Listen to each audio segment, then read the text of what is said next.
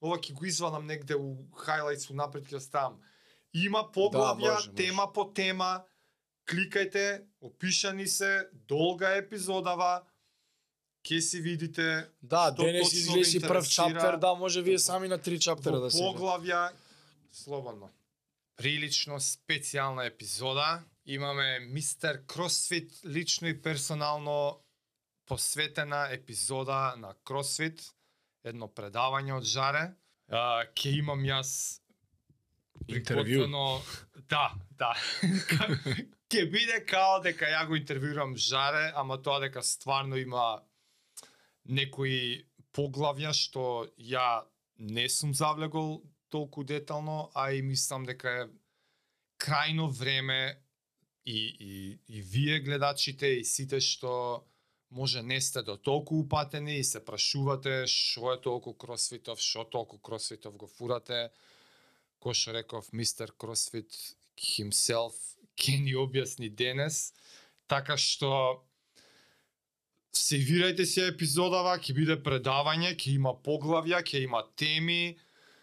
Цела слушајте ја, во делови слушајте ја. Ја сум стварно благодарен што ќе имаме оваа прилика да си навлеземе со жарептен детално у некои ствари. На крај ќе има и едно мое видување како ја гледам на целава тема. Некои ствари сум ти открил до сега, некои не.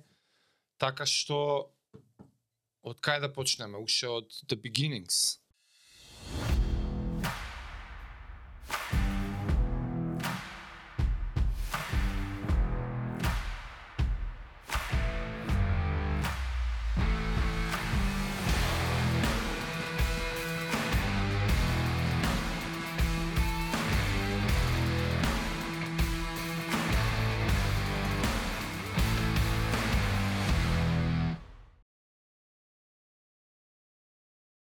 Прво фала ти за епизодава, по овие утрински што, што емисии што гостуваме изминативе години. За 5 до 15 минути колку ќе објасниш? Али и прошли пат неле кога ме викнати прв пат, тоа за олимписко, за ова пак не беше full Да, full on да. кросфит со За тоа пикирани, викам, ова сите е аспекти. dedicated скроз. Сум ги носел сите капи од рекреативец до такмичар, до тренер, сега управител, управам со CrossFit Скопје, ins and outs, све, буквално све од сите можни аспекти сум поминал. И у јули ми е 10 години. 10. 10. Тоа е сега за еден месец. Така да... Па не ми кажа бе, не знаев. 2013 јули почнав прво. Не, не знаев дека баш сега јули. Па кога спомнавме за епизода, ми текне име. Кој идев навак? Па не е джабе, мистер Викам, CrossFit таман. himself. Тоа е. добро, са Зоки е мистер Кросфит, ама. Он е Гре- Грег Гласманот. Он е, да, он е така, да. Не, таман работа, али Е, па тоа си е. објасниме од почетоци до како е да си тренер, што треба, такмичар, рекреативец. До душе ние па нема се да фатиме. Не можеш сакал. Ама моментално у македонскиот етер ќе нема на друго место толку многу информации Да, да. сумирани у некој саат.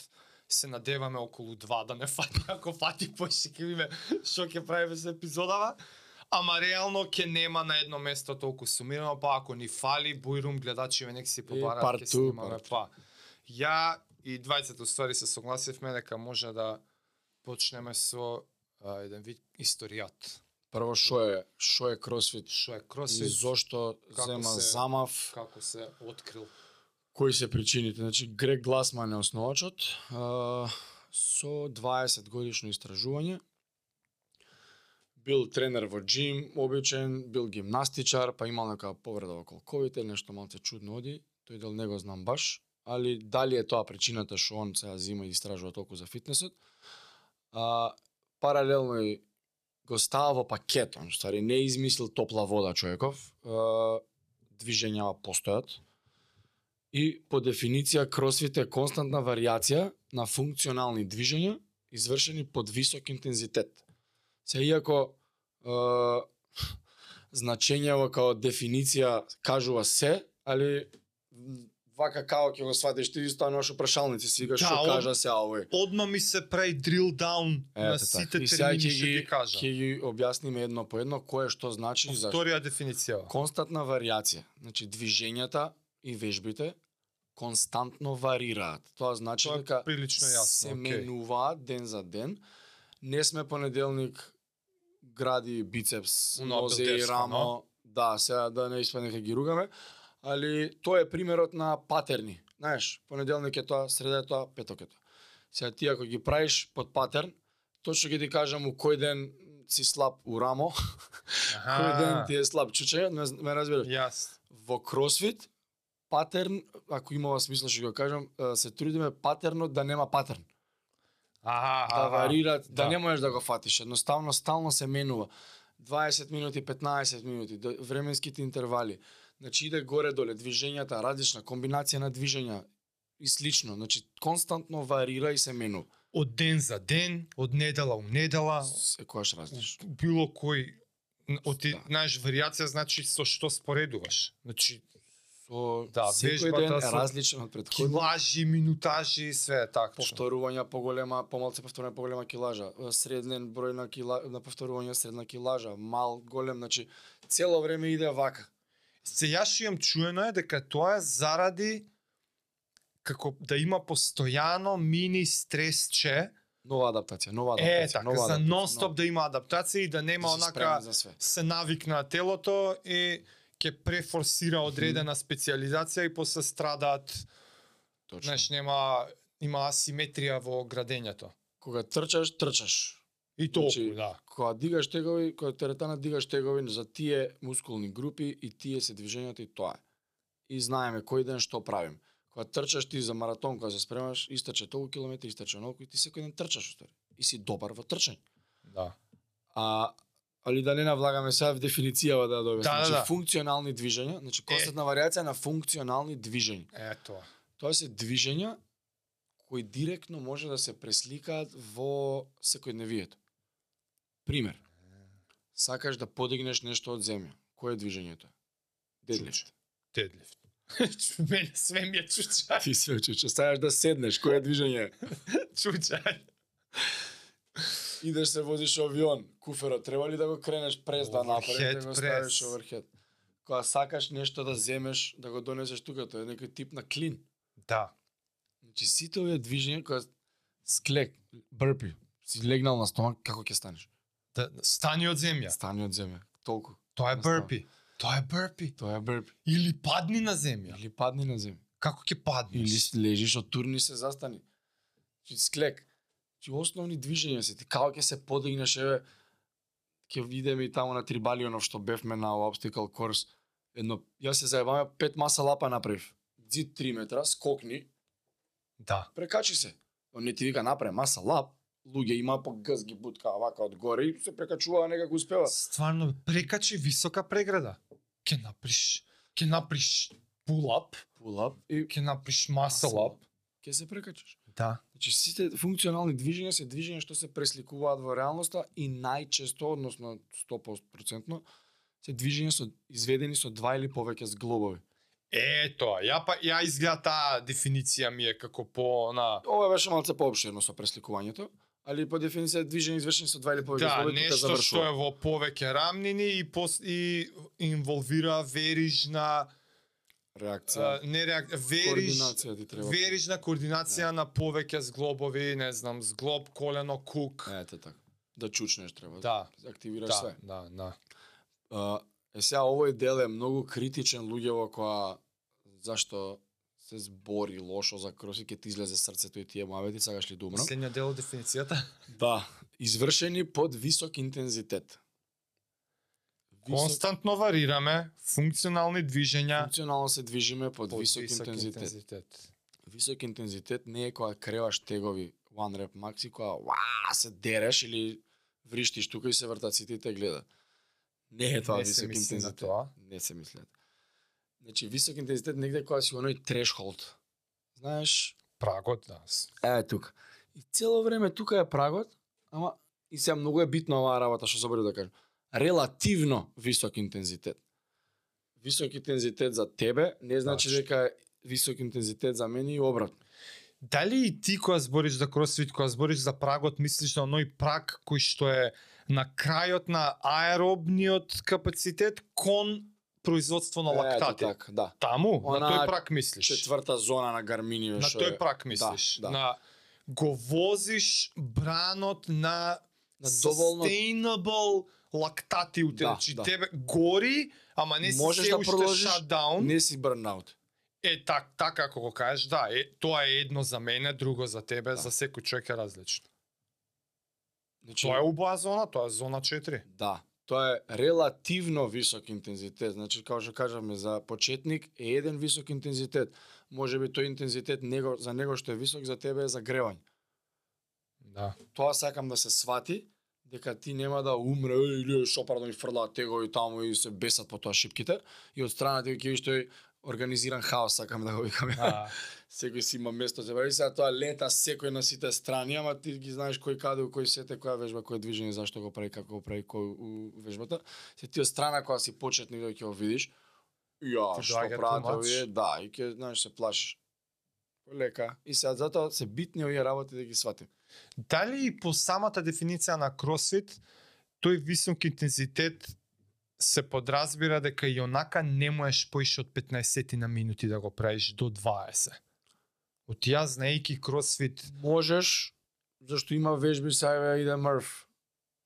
Добро. Трае 45 минути ти цело Таа време. е една, таа е као некој uh, key workout, као наш Hero workout има за Memorial Day weekend во Америка е као традиционално Во- сите кросфитсали у светот ја справат. во една сезона на тренирање и за рекреативци за било кој джим ако отидеш у тој саат време ти нема саат време Нема у таа зона не. бидеш така. Најубаво, најубаво е според статистики овие од 15 до 20 минути. На Тука тоа е тој sweet spot на колку треба да еден тренинг. И најчесто тренизите траат измеѓу 15 и 20 минути. Тие вежби не да не се збунат. Не бе тренинг, вежба е движење. Значи, да, добро, Добро, не, да не тренинг, мисли дека дошол на тренинг и 20 минути ќе му А, не, трае не, не, ти трае класот еден главна саат. така да. Главниот Значи, дел од тренингот. Да, и тоа ќе го опфатиме после. А, а ти клас викаш. Па Така час го е. делиш, час клас. час, да, а вежба во класот, во часот е една. Да, да, Ќе да. дојдеме и до тоа после грешки луѓе што прават зашто. Јас. а, во оној организацијскиот момент кој ќе бидем. А, Кросфит има е, тоест како што кажав Грет Гласман не е измислил топла вода, само има убаво спакувано све што било тука. Значи склек постоело, берпи постоело, не измисли кросфит, снеч, клин and jerk, све Да. постои. Кросфит е составен од два олимписки спортови. А, тоа е во функционалните движења.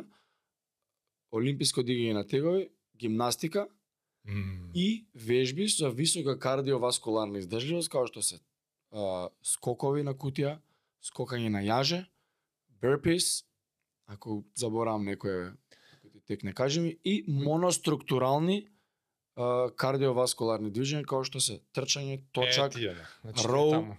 Веслања, и возења, трчања, пливање, да. Да, у компетитив кросфит, да, рекреативен, која има таа среќа, супер. да, да, да. да живее до базен или да од смиделе порано, ама не толку.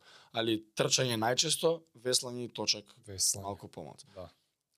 Од тие функционални движења е составен кросот и сега кога ги пуштиш една палета на движења, овој спектар на на огромен број на движења, значи тие варираат меѓу себе, се мешаат, тука е тој спој на тренинзи, гимнастика со олимписко дигање на трчање, на дигање на тегови плюс трчање. И тука доаѓа онаа константна варијација. Висок интензи- интензитет, нели треба и тренерот да знае да ти го прилагоди. Тачно. Кога си почетник, значи некогаш ние сме таму да го спасиме членот од самиот себе. И сака да накача, Да, да, да, да. дека не може. И затоа е оној а, сега доаѓам до она уствари кросфитот што а, тренираме ние 10 физички карактеристики на човек. Не тренираме мускулни групи. Е, да, да. Тие се издржливост, кондиција, ова е стамина, нели преска се ломевме. Добро. Кондиција е нека биде. Ај, Сила, не, ако ги имаш на англиски, кажи ги и англиски и македонски, па гледачиве нек Ајде. си досад endurance, стамина, strength, издржливост. Кондиција, strength е сила, сила, снага, flexibility, флексибилност, флексибилност, power, тоа е моќност, моќност, сала, снага по време е моќност, добро. и брзина, speed, Добро. coordination, координација, agility, агилност, баланс е баланс и прецизност, accuracy. И што убаво стварно ова нема врска кој е спортот или кој е движењето.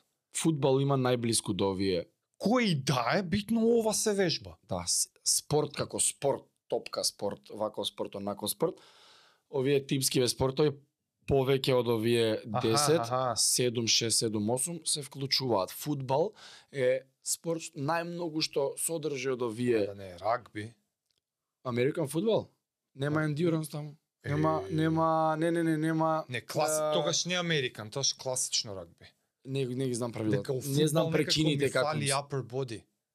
Има, ама знаеш, има контакт, градење, знаеш, тука Да, пак легува. да, А, а во кросфитот ти ги вежбаш сите овие. да. И сега ова е оној познат пример на Грег Гласман која е презентира уствари кросфит, оној Хопер челендж. Хопер челендж ти е замисли си онаква кугла како за лото топчиња што извлекува. И Добро. во секое топче да ставиме една вежба. Што можеш поише, натрупај. Што сакаш? Аха. Трчање, е, one rep max у нешто, френ, лупам, 27 15 9 е, Добро. трастери изгибови, е, 5 километри трчање, маратон ставаш. Што сакаш од тие две биреј? Е, Пливање, брпи, скокови на кутија, буквално во Ниш имаше едно такмичење Хопер челендж се викаш и вака се правеа тренизите на самото А на такмичење. тоа мислиш? Да, и ова е првиот првиот. CrossFit Games на овој начин е направен во двор кај оној Дейв Кастро 2007 година.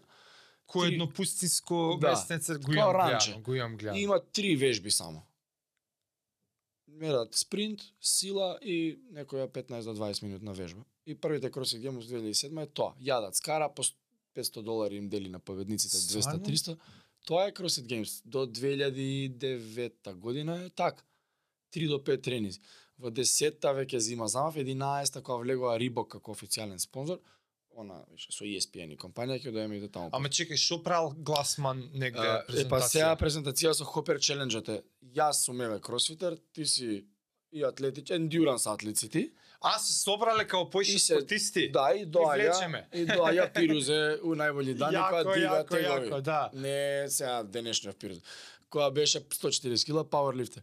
И сега што си кажеш ти, леле, дај некој long distance run или трчање или точак или пливање Сваќам. или. Пирузе вика, леле, само немој тоа да падне у пичко, матер ти ми немој некој дедлифт тежок ќе не одера да а кроситеро вика дај што даш и ова Да. го правам, и ова го правам. Нема да биде прв у тренинзите, ама ќе биде у средина секогаш. Сваки. Во кросфит уствари убавината е што ти си целта е да не си специјалист, Да. Да си добар сегде, да не си добар на едно место. Ти си специјалист во... Во да бидеш све. не, не, специјалист, да не бидеш специјалист. Да, да. Тој тип на специјалист, Да. ако има логика. Ти си специјалист генералист. Ето така.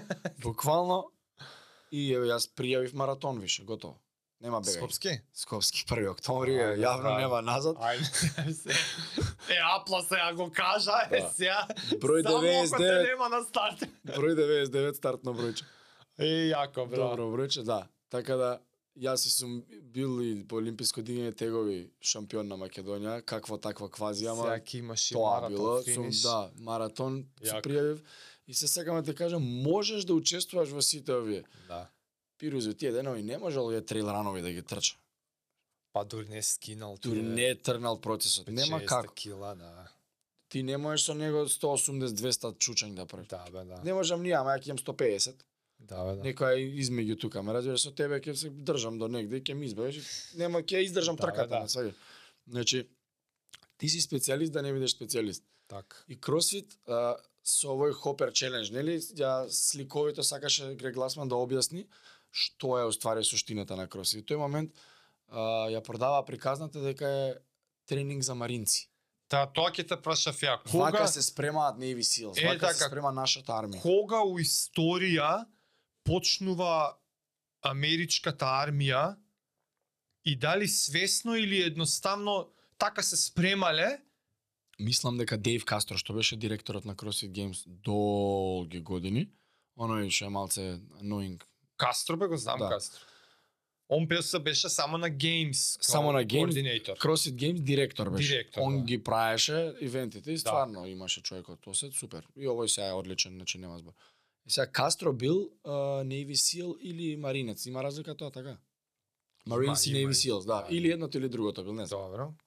13, 14, 15 години. Служел у војска америчка, професионален војник. И он така го дознал кросфит. Дошол Грег Гласман и им рекол, слушај, на армијава, имам топ е, метод за тренинг. Значи така било.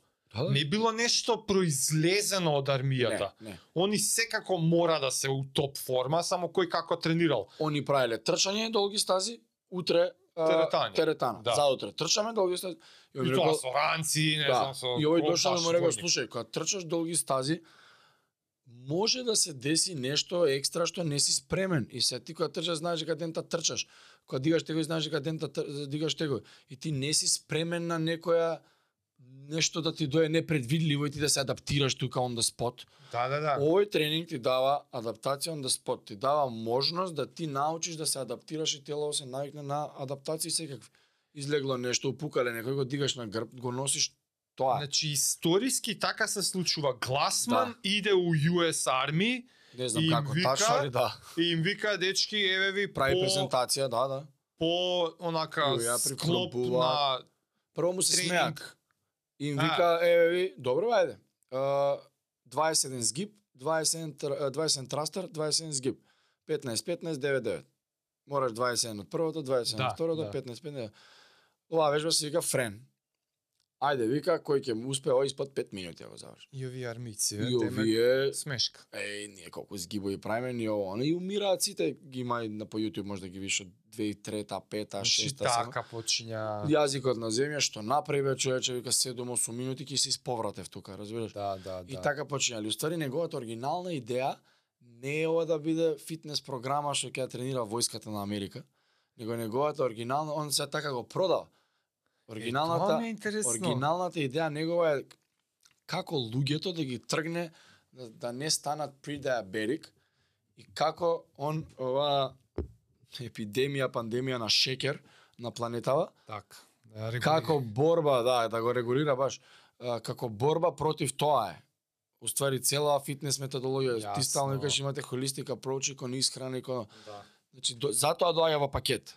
Зашто иницијалната е, намера на кросфит како фитнес методологија е секогаш во пакет со исхрана. Едното Да. без другото не оди. Значи, паралелно си се со eat meats and plants, plants nuts and seeds, Таба е, ние little макро... starch, no sugar, Да, бе, да. тоа е тоа. Тоа е тоа. Значи, јајца месо риба, овош и зеленчук. До тука е. крај. Вежба е кросфит, овие движења вежба за 10 физички Да. карактеристики, ќе беше тоа тоа. И кросфит прв го дефинира фитнесот со дефиниција. Немало во во америчкиот а, речник дефиниција за фитнес. И кросфит сега доаѓа и устари тука ја спакува приказката многу убаво. Your work capacity across broad time and model domains. Твојата способност да про, произл, да произведеш работа, е, твојата значи work capacity, колку си ти работа способен у тој момент Така. значи да произведеш работа. А, cross broad times, крос одредено време. Тоа е Точно. AMRAP. Да. Much Да, reps да, as да. possible во 15 минути и се еве ти ја работата. Али у таа работа различни домени. model domains уствари е модалитети од различни домени. Да. Од олимписко дигање на Така, де, тегови, се гимнастика, се меша, трчање, бокџамп и компанија Да. што ги кажавме пред. И тоа е дефиницијата ти се ние кога правиш AMRAP, колку работа ќе произведеш во тие 15 минути што сме ги дале од тие модалитети, од тие домени.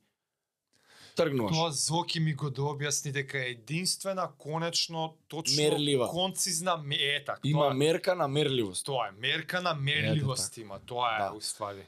А, ти даваме одредена работа да ја сработиш, пример, Да. пет сетови од бла бла бла од модалитетите од Тачно. нивните домени, за колку време ќе ја Да. изработиш таа работа. Ме разбираш? Имаш Така бе, така, да. и одредена работа да сработиш во одреден а, временски интервал, како што се емом. 10 повторувања брпис во минута, 10 минути. Да, Правиш 10, одмараш ресто до минутата. 1.00 чукнели, 10, одмараш до 2.00. Така нато. Да, бе, да. И сега кога ќе ти ги објаснам дека пластично, ајде да ти кажам your work capacity across broad times and model domains, Научен труд. што збори овој се појма. Или constantly varied functional movements performed at high Да, intensity. да, да. Што тресе овој, разбира? Али затоа ти викам не по ние утрински не може да се објасниме, нема време. Сега е убаво ќе имаме епизода саат и пол два. Значи овие работи вака кои ги изџвакаме, лесни за прогол, Сега е за голтање. јасно. Сега е јасно Сега е што е јасно. кросфитот и и Вариабилноста, мерливоста, десете... реплицирањето во реалноста, Да. во животот. Ето, да. да. Значи, а, ова движење не знам каде би го употребиле во реалниот живот. Овие lateral raises покажува. Да.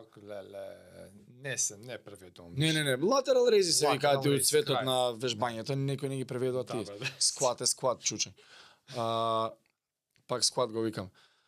А, и тие се движења што може би го градат мускулот, ама големи мускули не значи силни мускули. Така е. Не секогаш идат тие рака во рака. Да, бе. А, значи, силни мускули се силни мускули. И тоа мора да се разграничи. Ако си голем, огромен, имав ситуација на такмичење во Ниш, единственото прво место моја кросфит кариера, мислиш кој знае колку сум имал. А, имаше Марко Лукич, животиња еден, 2 метра. И огромен, 2 на 2. И стално беше најако, ние снажни движења за снага, Нормално, значи значи. моќен. Имавме One Rep Max а, кластер од земја, кластер, трастер и клин во едно. А, Од земја мораш да подигнеш во squat clean, да пречекаш во чучањ, преден. да, и пристанување нема она пауза clean and jerk, него е клинот од чучањ и, И трастер. мораш да ја isфрлиш. При тоа нема пауза измеѓу. Пред да ги исправиш колената, мора да ги Одма исправиш и трастер, рацете, да. за да биде трастер. Устари, Не можеш да си застанеш, Не, па после джерк. Готово, no rep не се важи, крај.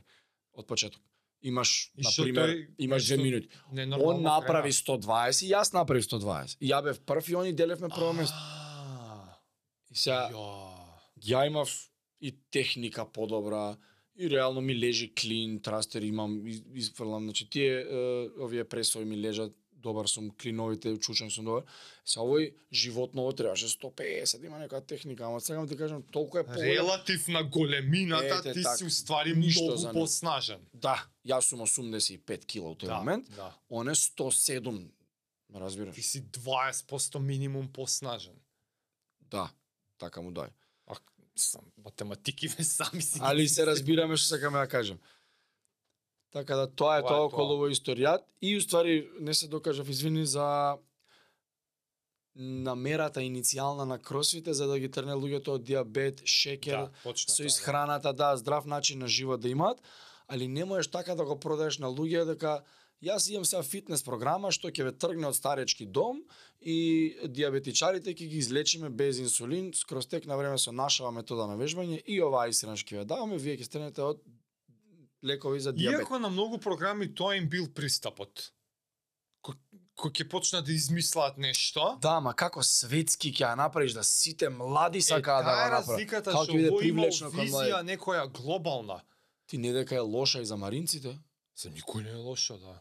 Не дека за професионален спортист е лоша. И што направил он за да го И он да маркетиншки, тој е па маркетиншки ја пушта дека маринците се спремаат со оваа програма што е вистина, не А, лаже, вистински вежбале кросфит он. да.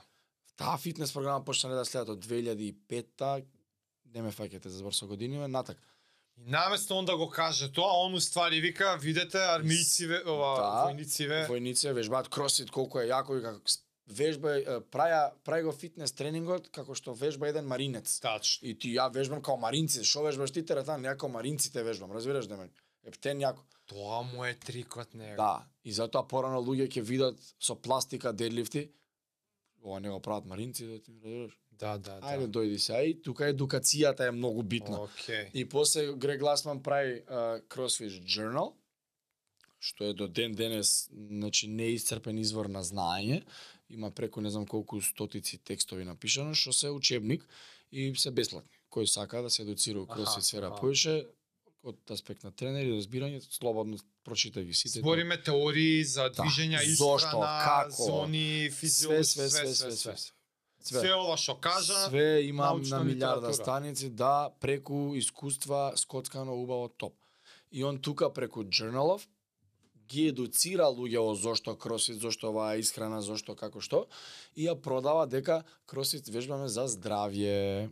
И откако почиња 2011 оној бум во кросфит такмичарскиот дел. CrossFit Games, да, CrossFit како спорт. И Грег Гласман не бил не бил уопште фан на тоа. Да има games? Да, да, не, многу многу скапи договори има онака бега тука. Аха. Uh, истата агенција што ги купи UFC, uh, сака гигантска фирма, односно корпорација што работи со агенти во ентертеймент бизнисот во Америка. Аха. Uh, оно Ари Голд, ако сте гледале Антураж, вистинскиот Ари Емануел, собственик на тоа, е гигант во овие ентертеймент индустрија. Он ги купија UFC за 4,2 милиарди. Истата таа компанија, неколку години покасно, им нуди на CrossFit, гледа потенцијал ова, само спорт делот. Не ова рекреативни лиценци, глупости, ова ваше, ваше Само си го games, терате. само над преварувачот. Да, и овој ги одбива. Тоа грдни пари, грден договор, што CrossFit Games може ќе беше на следно ниво. што му нудат? Не знам што му Телевизиски права Теле- или Они да го превземат организацијски, да биде тука од аха, бренд да го направат. За UFC, знаеш какви промо видеа имате нереално. брендот да биде нивни. Да. И у кросфитот секогаш бил уште од почетокот give back to the community, врати назад на заедницата. Да, да, да. Сега официјален спонзор е No Bull. Сега се No Ова Bull е CrossFit ново, Games од пред две години. Не им истече договорот со Рибок на 10 години има. 20 или 21 влегува No Bull. No Bull се двајца дечки што имаат работено у Рибок, у експанзијава на Рибок у CrossFit. И ми стекоја договорот таму и и меѓу време и они меѓу себе се договараат као слушај, кога ќе ни истече договори, бе, знаеме све за опрема, ова, у тој сектор бевме дај као кросфит, сакаме, вежбаме, работиме, знаеш, дај да направиме некој бренд и апарел има, маечки Че шоци. Noble е сега Noble е, исто кој сега е Noble CrossFit Games, не е Рибок. Ама што е Noble? Ја ни за брендот немам бренд, а, патики, Облеки, шорт, патики, опрема така, за спортска крос, опрема. спортска опрема. Аха, окей. Nike што има за тенис, Така за да, фудбал, така, за ова е така. Noble е. И Noble има само за кросфит, се влагаат и во NFL, имаат патики, голф, мислам, нешто такво, у америчкиве спортови. Така, така. Сега е Noble CrossFit Games. Сега он тоа било сакаме да име назад се. Тоа е заедницата преку CrossFit, на двајца дечки им текнало да направат бренд за CrossFit Да.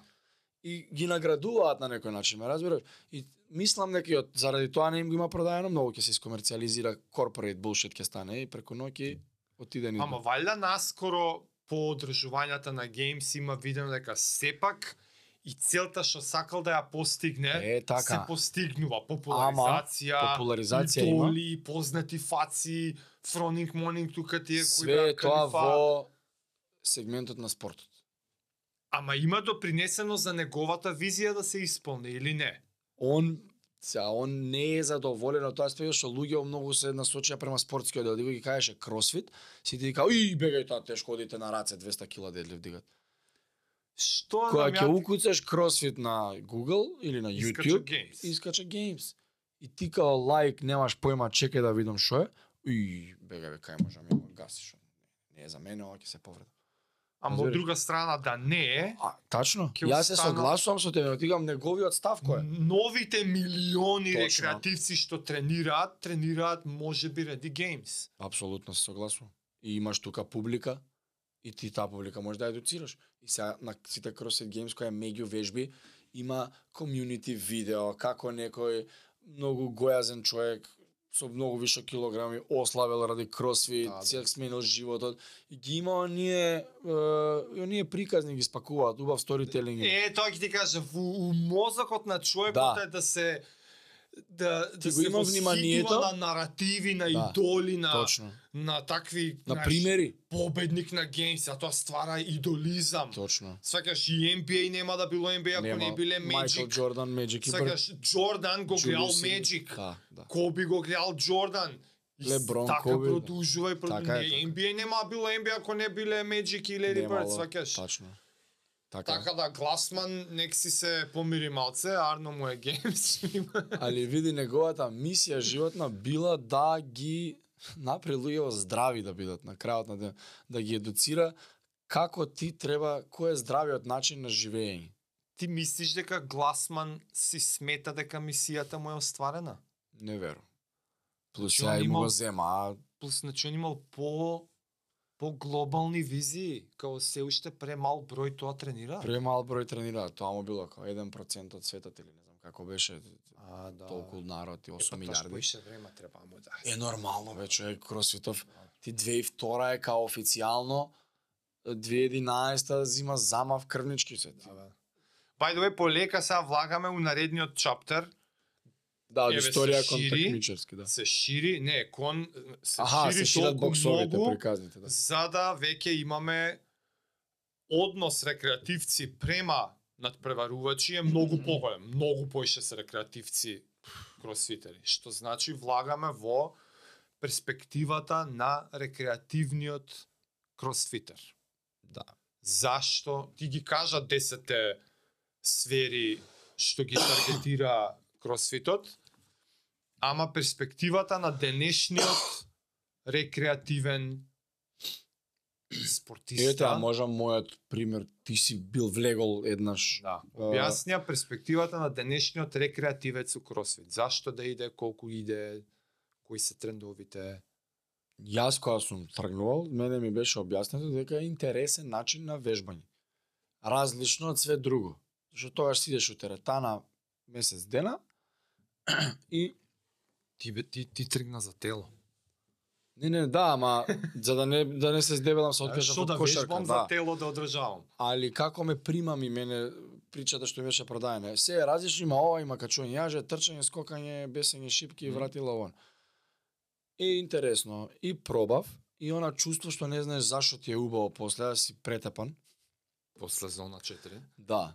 Те купува тој сега ендорфини, допамини, знаеме зашто хормонално, ама тогаш појма немаш, едноставно ти е убаво. Се враќаш пак, се воспалуваш и па отвараш кросфит бади како изгледа тоа, ме разбираш? Па на. И сега влагаш и има Значи нема сега јас сакам че ја денес кидам бенч ке правам и после 10 минути доаѓа друг, сакам јас да се бесам на вратила, не, не, не, не. Часот, за тоа ги кажам клас час. Так, Часот почнува во точен термин. тачно. Јас сум отишол, лупам во 7.00 по план. И 10 минути имаме ние ние Rules, а ако не си 15 минути пред часот, значи да доцниш.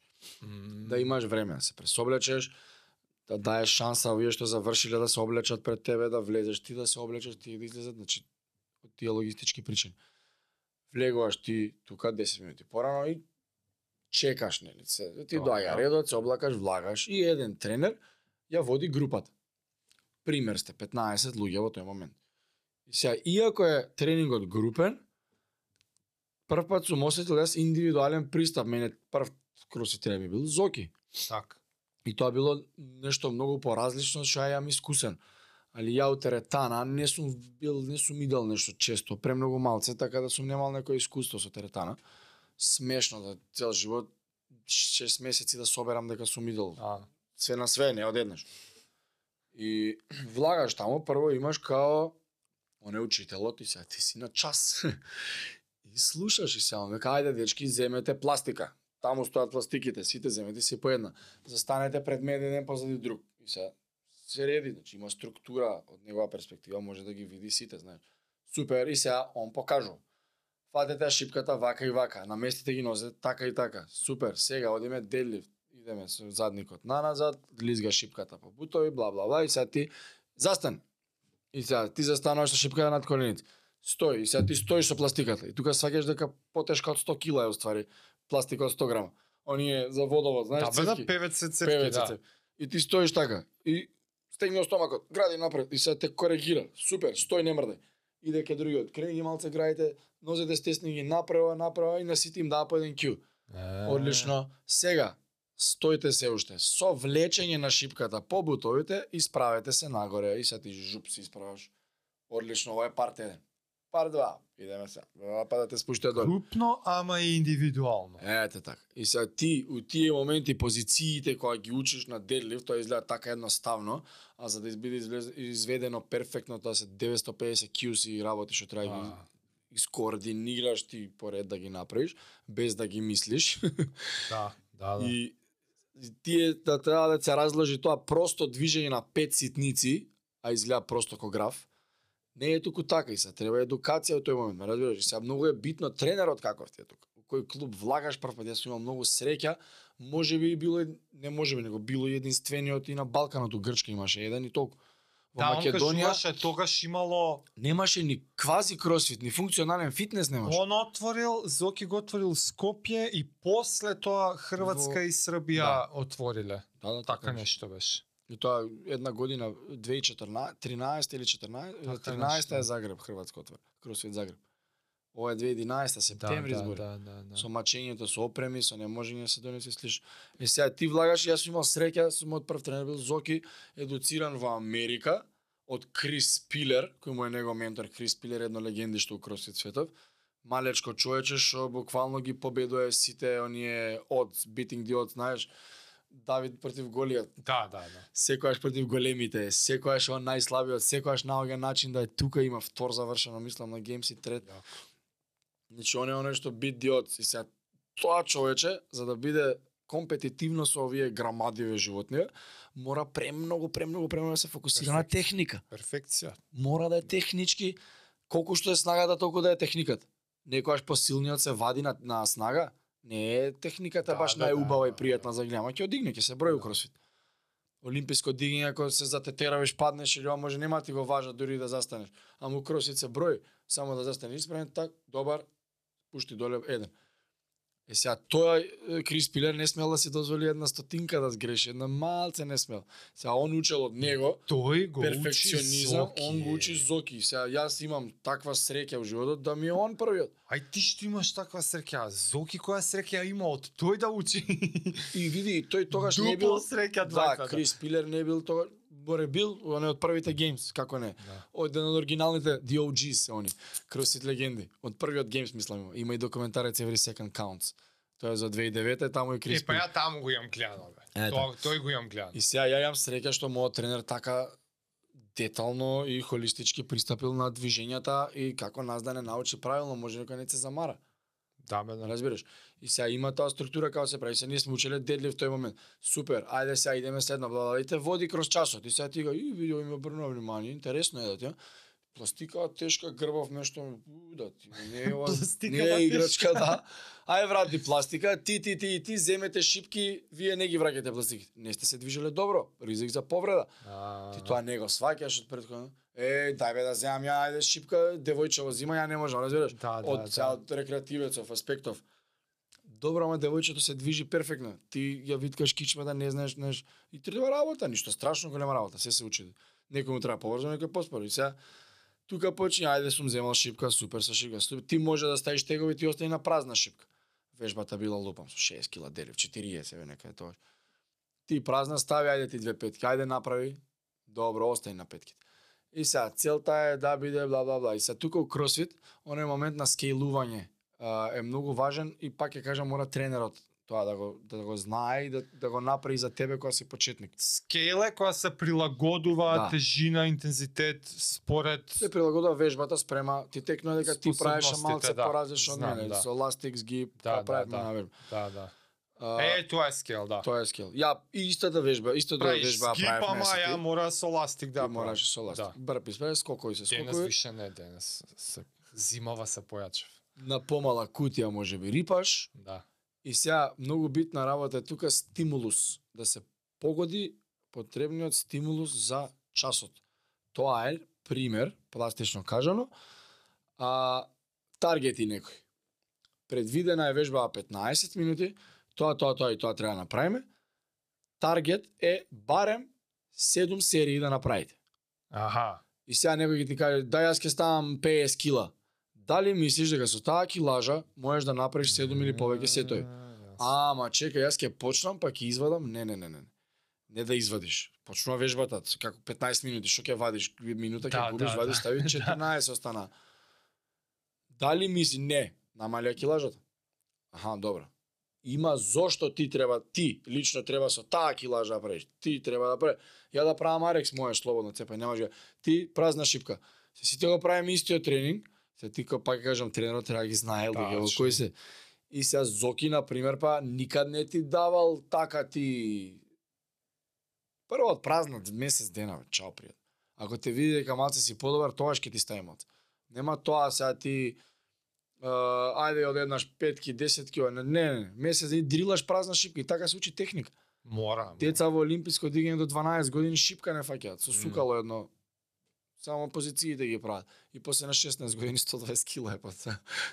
техниката е перфектна. Снагата се сретнала со техниката. Тебе колку време ти траеше таа некоја рекреативна фаза? До 2013. Две години? Па види, ја 2012 јануари имавме такмичење, само јас го пропуштив зашто вадев осмица и корени на шеска за и Значи месеци се упрашање. месеци се упраши. Али Ама види не, тоа не- сите не пријави Не, за не, тоа е за А 2013 јули. не ти Изразив лично. желба, да. да. Ти лично колку време се осеќаш дека си во рекреативна фаза на спортот? Не дали Зоки ти покажувал, знаеш, сериозноста твоја, мајндсетот која си почнал, кога ти се свична да си кажеш, чекај, не сум рекреативец, више сакам поише. Кога го гледа видеото со Джим Кери тоа. Стално ќе кажа тоа Е, па најпад. кога е тоа? Колку време? помина? 2013 јули. Колку месеци, кол- колку време си ја више и со Зоки у кросфит? Септември сум вежбал, до- уф, тоа е пред 10-11 години виш.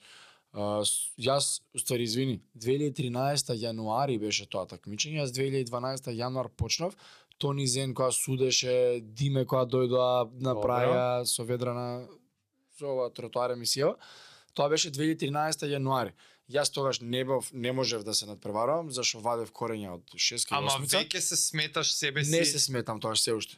И 2013 изразвам желба и се уште не се сметам у тој момент дека сум некако компетитивен. Што имаше едни дечки од Ѓорче, а, од Нагоми Фитнес, Оли и Иле, а, они дечките у тој момент газеа, разбираш? Аха. И ја Uh, дојдо еднаш кај нас у сала и сега Оли со репче со марама таков целиот батерфлај пулап прави тука френ за 3 минути ја одуво ја ga гледам кој е овој бе ја треба да сум тој што се такмичи разбираш и 500.000 изговори навиш Ама знае, он аминокиселини пиел, протеин пиел, ја ни протеин не пиел, ама врска нема ништо не ти помага. Во тој момент детиште 23-24 не разбираш бе, да. се не си доволно кај зрел. тренирал тој тие тие унагоми? Оли на Гоми имаше дел теретана, има дел дел кросфит сала. Сега и бутна теретана ти преубава сала направи, ја има буквално и реновираш од Окей. корен, све сега само кросфит прави. И они дојдоа момци на со Зоки се чул. Еј слушам и ти кросфит, нешто А, јас сум така, видел на интернет, Да. нешто ја адаптирал салата, негов е У просторот. тоа што е. време е така, кој што видел на интернет, Е, ајде да така. проба јасно, да. И они беа многу адванс, стварно беа многу спремни у тоа. Кондиционо, човече, ја ќе повратев каде. И он 2014 ствари Зоки, он се јави на Зоки како дај ќе идам на едно такмичење. не ова е 2013, ќе идаме такмичење едно во во Србија Спартанац. Едно од овие ене 2014 куп. Спартанац, он оди 2013. Тој Оли. Оли. Тоа е септември. Ја више 2013 јули на Зоки му кажувам, слушај, И јас. сакам. Не сакам да сум рекреативец, сакам да сум такмичар. Добро, сега ќе бидеш тренер. Да, што треба да правиш? Ништо. Страна седи чирак, кој што вика Симон. Чекај се, влагаме полека у Такмичарски. што значи кросфит надпреварувач. Пред Да. да, идеме тој Е, сега предеме да рекреативниот дел да го довршиме. Да, доврши Иде загревање, те коригира тренерот, јас сум имал среќа да имам добар тренер. А, ти објаснува зошто го правиш тоа што го правиш, Што е реткост. најголема на свет. Зошто И јас у тоа упаднуем, разбираш, дам лак, како да ти кажам, сплетна околност. Да. Несвесно од кај да знам. Јас сега се враќам и викам пичку, мате, кај можел да отиде работа, разбираш. Нереално. И сега иде главна вежба, вежба на денот. А, така. Тоа е оној WOD, Workout of the Day. Workout of the day. И е најчесто 15 од 20 минути, еднаш неделно знае да отиде 25-30, еднаш месечно и 40-45. Еднаш неделно знае, еднаш на две недели, да неделно да се симне и испод 9-7 минути, 5 минути, оние спринт одвратни вежби. Тоа која плюка железо. Е, баш. А, правиш тренингот, завршува тренингот, и има некаков тип на кулдаун, Зоки разговараш со нас за исхрана, тој момент немаше ни ти кај да читаш, да бараш, да ова интернет не беше тоа што е сега достапно така, one click away. И немаше толку информации. Кросфит беше тазе, ново, нема луѓе искусено искуство, немаше подкасти, сега ти да го слушаш на Рич Фронин како се спремал пред 10 А, години. а. Немало тоа, оние Trailblazers биле го граделе Да. патот тој момент. И он учел среќа од многу добар човек и он имал знаење, он не учел нас. И достануваме после часови, треба да дајте вако, а што ако едам црн леп? Не ти е добар за ребела и сега ние сме добивали едукација и до ден денес го правиме тоа у сала, значи покрај тренинзи добиваш и едукација. Не ми е мене nutritional challenge да ти го наплатам се и ославе за 20 дена Да, 5 да, кила да. и земавме пари, супер, браво, сега за, за 15 дена ги врати 10 кила. Него паралелно со вежбањето добиваш и едукација, еве и затоа го правиме подкастов, затоа се овие за овие теми ги разговараме. Еве ти повели, слушај, достапно македонски се. Е, тогаш немаше тоа. И на пример часот завршуваше со совети за исхрана, па друг час како да си стегнувате и на overhead squat, на ова движење ми е рамото супер. Вежби за тоа да го подобриш е со топчето позади, па крака. Ајде, чекај, како изгледаше тоа тогаш? Сте завршили вие онака секој негде у сала седнат нешто стреча, прави стомачни и Зоки, Не, и и тоа е Зоки шета збори или како? Збориш за тренингот како изгледа? Да, викаш на после крај- тренингот? Е па викаш на крај на тренинг Зоки објаснува и Завршува малце вежба и се не умираме, ти немаш и тон те фаќа тука кога си задишен, не можеш ни да си И тогаш некој- као и ти- тогаш, слушајте, ајде се вака. Uh, зонска исхрана, пример. Е па Подржуваш тоа викам, значи тогаш ве начекува. Тогаш- Тука се 5 минутни совети, Кој разговор кај за познавање, не мора да е за и ај, Што правиш ти у животот? Тоа е браво, да, да. Кошарка така, имаш така. тренирано, каде, зашто каде? Па со некој друг, па утре некој раз, не разбираш. Се упознавање, совети, дружба, се градиш заедница. Се Да, бе, упознавате да, едни да, со да. други. И е, од рекреативен аспект што приметив, единствено, тоест прв пат и никад више што имам приметено е луѓето не си одат од од кои ќе почнат да вежбаат кросфит, барем 6 месеци вежбаат редовно активно кросфит. Аха, аха. Не почнува еден месец и да го снема Така, и така. да уплатил за 6 и не доаѓа. Не бе батка, 6 месеца доаѓаат луѓе, ние до ден денес имаме членови од тогаш 9 Да, години да. доаѓаат. Тоа не е играчка ти 9 години да задржиш некој. Чека Джейн, имам едно прашање, имав за рекреативци. Аха, да. Денешниот рекреативец. Зошто доаѓа на кросфит? Онака не теориски. Веќе е прилично популарно, се знаат, кажавме, има варијации, има холистика проучи, има нутриционизам, има слабење, има снага, има свашта изнакажавме, ама од сите тие ствари, ти си више и тренер колку години, И кога ги гледаш вака кога доаѓаат нови луѓе, зашто најчесто доаѓаат? Со наразлични проблеми. Ама најчесто денешниот рекреативец што што најчесто го привлекува Денешниот, денешниот, е, Денешниот. коронава се улежав се уздебелив, време е да се вратам, ово она, од тој аспект. да за слабење доаѓаат? се запуштив. Ме боли кичма, сакам да се активирам, чисто да бидам физички активен. А, имам проблеми со кичма, сакам да ослабам Ама сака да му е интересно. и да му е интересно. Од Еј, ти- слушнав супер работите, океј. ми те препорача овој, Да. сакам да вежбам, те кажа кај тебе, бла, Од најразлични од најразлични гранки. Види, секој кросфит, односно секоја сала како бизнис треба да има некоја гранка. Нашата не е да произведуваме кросфит атлети и такмичари ние на геймс да одат од кај наша сала. Неаме да. ние такви.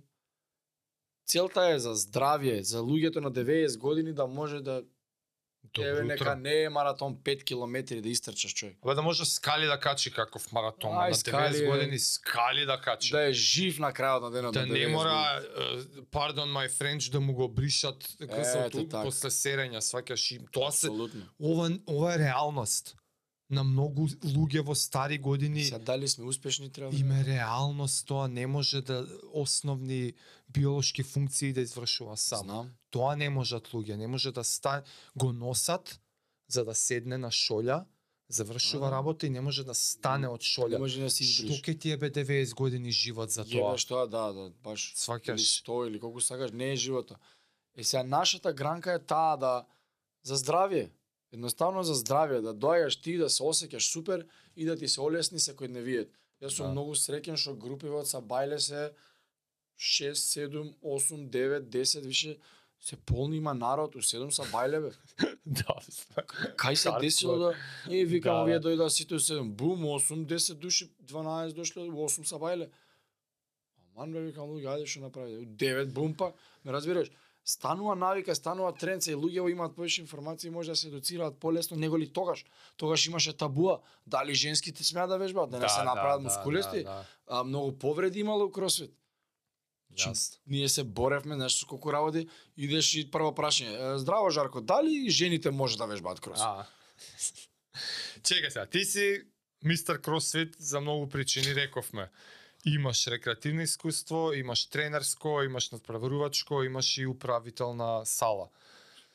Сега на која се Е, па тоа ти викам, На кај, кај сакаш да фатиш сега па, како одел иде или сакаш бизнис надпреварувачкиот? дел? Ајде, сакаш надпреварувачкиот дел да го Бизнис на крај, завршиш. така ми дошло и мене у животот. Е, па ајде, ајде. Зашто По- преку По ствари искуство. ја така да прашав, во кој момент више не се рачунаш Да, рекреативец так ми и, чекам. и што од што се сочинува таа разлика? Што се дешава за тебе лично, а и општо на светот кога некој ќе реши не, не, сега сум атлета кросфит, значи идам по надпревари. Супер. Знаеш што значи тоа? Тоа е треба да научиш прво да одиш на раце. Ако сакаш да се такмичиш, да си компетитивен, мораш да А знаеш ти да сега вежбите те ки ги... Ау, да бе, ти тек вежби up. имаш, а не ги знаеш. Ја мислев ке... Не, ни тоа првиот чекор. Првиот чекор Зоки ми рече ајде ти да стигнеме до ниво да сите вежби од uh, .com, така го викаа CrossFit, од .com, crossfit.com, нели официјалниот сајт. Да, бе, да. Ти на да што они секој ден една вежба ставаат. Вежба Да, на ден, до да. са секогаш, бесплатно. А ајде ти од .com вика вежбите да можеш RX да ги правиш. Пропишани. RX е as prescribed. Ако е пропишана со 80 кила 10 front squats, Тоа е се burpees А, over да не bar. правиш скел. да не правиш скейл. Ајде како е напишано, така да изведеш. Ајде сега следно, дали можеш стимулусот на вежбата да го исполниш? Дали се може да ја одуваш вежбата, да направиш ултра јак компетитивно време? Ако е реално 10 минути е, на рекреативец, ти чисто да на шкрги да поминеш, некако да ја изгураш Арекс, а 8 е, е стимулус, што значи ти не можеш ти треба да намериш. Али ајде дека да ги пробам. И сега кој ти беше елите што- процесот за да доеш до тој левел ап? Некои прогресии, како, како Вежбаш кросфит едноставно ги пробуваш ја и правиш вежбата. денес, не успеваш утре. таа. Умираш. Мене Зоки у 2014 или 15, 14, 2014.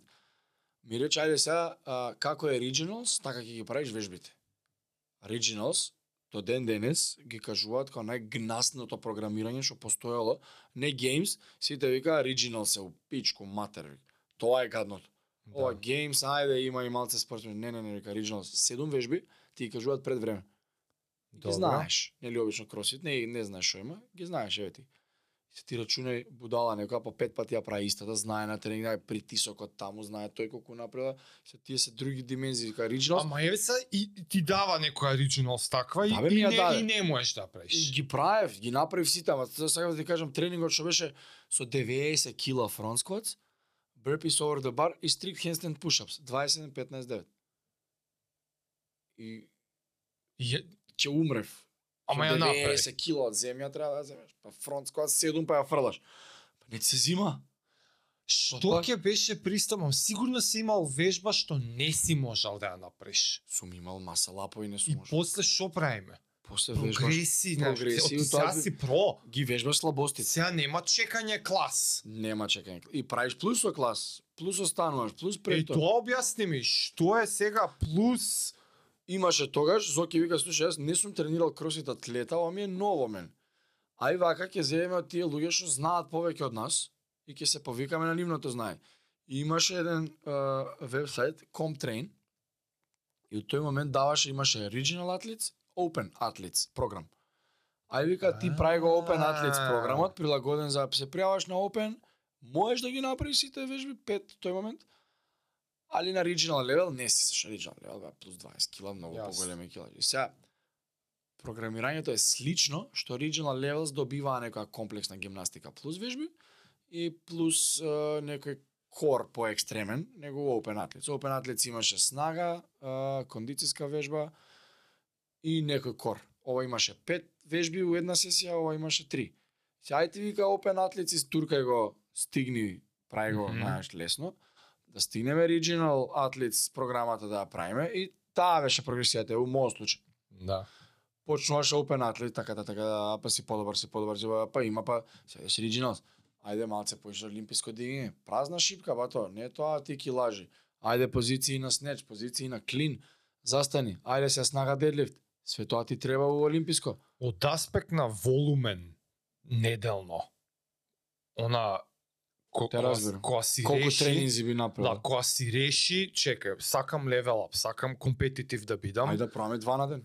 Е тоа, објасни ми ја прогреси, прогресијата од аспект на вол, колку ти самиот се посвети да трошиш време и ресурси на тоа, за да доеш до некој си левел, кај што се бил, не знам, два пати official најболи у Македонија, колку пати на олимписки, не знам што треба, ама сам да кажам, имаш отидено на некои нивоа што Али сум бил на интернационални Атинс ретко кој друг у например, Македонија ги правил Да. да. од аспект на она инвестиција во време, енергија и ресурси од твоја лична страна, што тоа значело? Од Тоа ти друго е дека- клас има клас Да, да, понеделник, вторник, четврто, петок, а друго е два на ден, седум пати неделно, сваќаш тој тој пат објасни го. Зоки ми рече, еве ти клjuč. Прво сакаш да бидеш тренер. Сакам. Добро. Добро, еве ти клjuč. Немаш од сабајле утрински, така тоа спонтано испадна. И оди во сала сабајле и прави го тоа, тоа и тоа.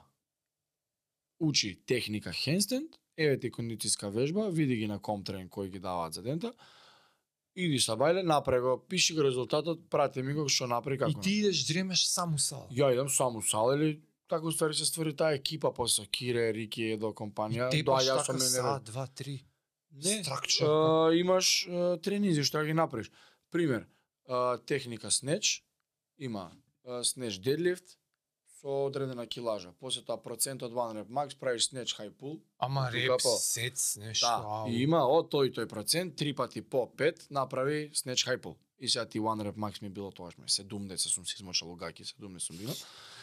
И од тоа вадам јас се колку е 75% и А, така пресметам добро и сега морам да загреам до таа килажа и ти вика прогресивно загревај техниката се че баба сега ти идеш па се и ударната ти е со таа со тие проценти толку повторување Да, толку да, да. сетови и ти сега правиш. Супер. Чекай, значи Зоки ти дава а, буквално Да. Еве ти оди направи овие тренинзи, сега ти добро. секој ден го правиш тоа са. Секој ден го правам. Идам понеделник, го правам тоа. После иде снага вежба, да речеме пет power snatch или squat snatch, а, 7 минути, on the minute, со Чекай, толку тоа е исто са бајлето? Исто са бајлето. Си ја вежбал техниката, А, сега- окей. ќе имплементираме во вежба, да видиме колку стварно ти се подобрува. И сега ти правиш 5, чекаш саата да го гледаш 1.00, зимаш, жуп, 5 снеча, сам ко дух фрлаш тука, нема никој. Тоа, тоа сакам да го да го насликам Идам дека сам, си она будам ја од 9. сам са Да. бајле у празна сала. Баш. Ко Многу пати така, многу пати сум имал друштво. Еј, абе брат, ќе идеш са бајле? Да бе да. Ај ја ќе дам со тебе. Е, ајде викам таман друштво, разбираш? Така нека група се створи. Ама сакам да разграничам дека е тоа Викам, на јас си на правам моево. твоја иницијатива, Да, тоа да, на да, на да, да. на твое Иницијатива на Зоки, еве ти клjuč, идеш са бајле, нема часови са бајле. Он на работа. Е така.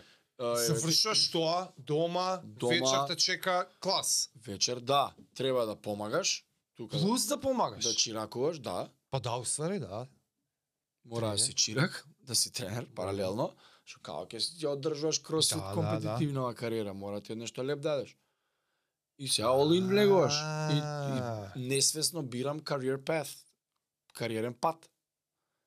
Не сакајки сплет, сплетна околности, тоа се Да, да, да, погледам да. назад колку е глупа среќа било, не ми се ни верува, ама може и сум верувал кога ќе ме прашал некој, ја кросфит такмичар ќе ќе одам на Значи, геймс. Ти решаваш да си про, ама за да си про Да. нешто треба Треба да тргне возот. да водиш. да, и на Зоки му реков, а, кажи ми го патот, не ми каже посветен спие, јаде, знам све тоа, ми е. Што треба да направам екстра? Ништо бе друже техники, вика толку. Само тоа? Да, добро. Друго ми е И јасно. ти уствари Не си треба добиваш дека треба работа. легнувам у 10 вечер да станувам Да, саат. да, тоа. на таков посветен тоа Да не треба да јадам, да, не ми- тоа не ми го треба- Треба Покажи ми го патот. во- Де е така? И ќе трчам. Водилката. Е, така. Не знам што да правам, ка, Кажи нема таму ја ќе трчам Ако ти таму. кажали пет тренинга, нема И пет пет ќе си да. Не не си иди дома. Нема си идам, знам, знам скроз како е така. Да. Ама Идеш. да има некој да ти каже. убиен воспален цело време. Идеш по пладнето после. Uh, например, имав јас обрска 2 часа од 4 да бидам таму, другите два немав. И сега тие Ако Дента. Сум, дента. Ако сум била од 6-7 вечерта, јас доаѓам од 4 и пол, да речеме. 4. Чиракуваш. Не, не, не, доаѓам од 4 за да се извежба мојата на страна програма. Да, по пладнето имам уште е, еден меткон и еден кор. Така си ги делев. Имаш пет. И као саш дели ги се од сабајле Тоа ти е вториот тренинг. Да, техника. Техниката имплементираш едно движење да пример снеч пул сега се фативме, правиш снеч емом, every minute on the minute некој тип со килажа субмаксимални и правиш кондициона вежба. Идеш па пладнето, правиш уште една кондициона што е по box jump double under си burpees, пример, да. гориш, сува ги викам, сува таква да те утепат седилица. И после тоа некој кор, пленк, L-sit, 30 секунди да акумулираш, се држиш на вратило, Така. таков L-sit, па си ги дигнал колената, ставаш. ба- И ова милион. се, се уште тренинг за себе. И ова е за понеделник збориме. Завршува, јас се И пресоблакам продолжуваш све. со чиракање. Да, и ја идам и чиракувам уште два сата и си одам дома убиено 8 и пол. Што па мора да покажуваш, па, Па мора, мора. да си на нога, па. Ај кога чиракуваш не си ти главен, Зоки покажал и ти од страна и сега гледаш. И што викаше Симон, многу работи се учат од гледање и слушање. Да, Кога си слушање. чирак. Јас е, точно знам што збореше, Да. што сакаше да каже, зашто јас денеска те осознавам некои работи пред 9 години што сум ги ми ги зборел и Зоки може. Ама сега со овој памет и искуство, точно знам, ама у тој момент од кај да знам, јас не знам, не сум имал искуство, немам појма што се дешава. Да, да. ти го кажува теорија, ама ти го ќе помина таа пракса. Сега знам. И чиракува, утре ден, тај нов ден, се будиш. Чиракуваш, Се будиш чиракуваш. бајле, јадеш, пазиш, сам си купуваш храна, та спонзори, мисловна именка. Протеин да ти даде некој без пари ќе си измочиш угаки, значи тоа е нереално колку ти олеснува ето 3000 Да, денари да, да. било. И починеш да го газам патов сега. И септември доаѓаат Оли и Ле у сала е, за 2014 куп Спартанец, што е ова, и Оли ми вика, а не за 2013 извини.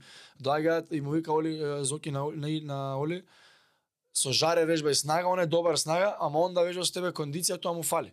А, И само комплементарни си бевме. Ја ја стално дигав поише од Оли, он ме утепуваше на овие спринтови вежби, знаеш, брпис, висока толеранција на болка имаше, гад таков беше, трпеше вежба. И сака да се убие, знаеш, он до ден денес вика нема хардкор вежбачи како ја и ти што сме биле. Нема врска сега тоа е.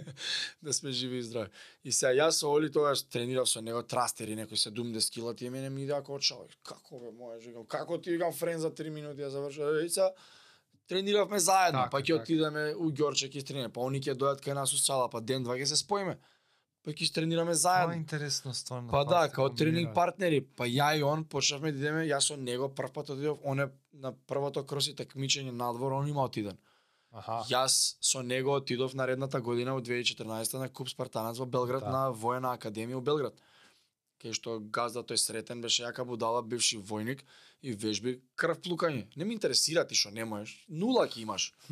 Не ти ја прилагодува он ти Да, дали да, ќе да. можат 70 снеч од 2014 на Балканов кросфит.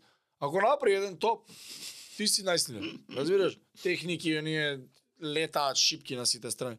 Ја му викав на Зоки, абе не можев да ја фатам шипката ми ротира, вика, не е ко наши, не викам, ама ја пушташ и врти. Абе, тупчо вика, така треба да биде, бе. Да, да. да, бе, вие Зоки кажуваше Некој на почеток уште нема олимписки човек, не ти стремале. ротира таа, бе, да. каде бе ти тоа со штраф. Овие со лагери. Да, да, да, да. до утре врти.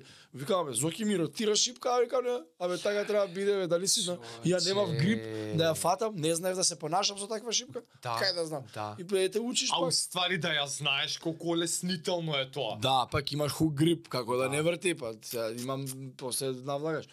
И е, тогаш не се ни посветив нешто на тренингот најмногу и се изнервирав премногу, зашто седми на квалификации завршив, шести нешто, добар бев на квалификации.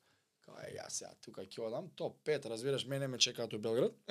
Жарко Батиш од кисела вода. И идам таму ме измоча, значи јаже не знаев да качувам. Се спушти вака, си ги одрав рацете уште на првата вежба, немав овие кожа немав. Па имаше среќа тој еден Стефан Солунат, тениски тренер е сега кроси, па имаше од тенис оние, па ми помогна ми даде. Па. Учиш како? Немав, немав јаже, имаше едно девојче тука пред нас, викам, абе, дај малце јаже, викам дабл андер се му вежува. Како немаш ја, викам дај бе жити, свики ти го вратам, викам одма, разбира ми доаѓа редот, викам ајде треба да трчам. Иго друго јаже зима, појма немаш индијанец да ти, врска нема. И се учиш, и иде дале, и сега од таму викам дај нешто посериозно 2014 и се изнервирав тоа лошо поминав, катастрофа и она знаеш на момент кога си даун или sink or swim, викам сега ќе ми матер, ќе се и се посветам крвнички сега, не е ова добро што беше се деси.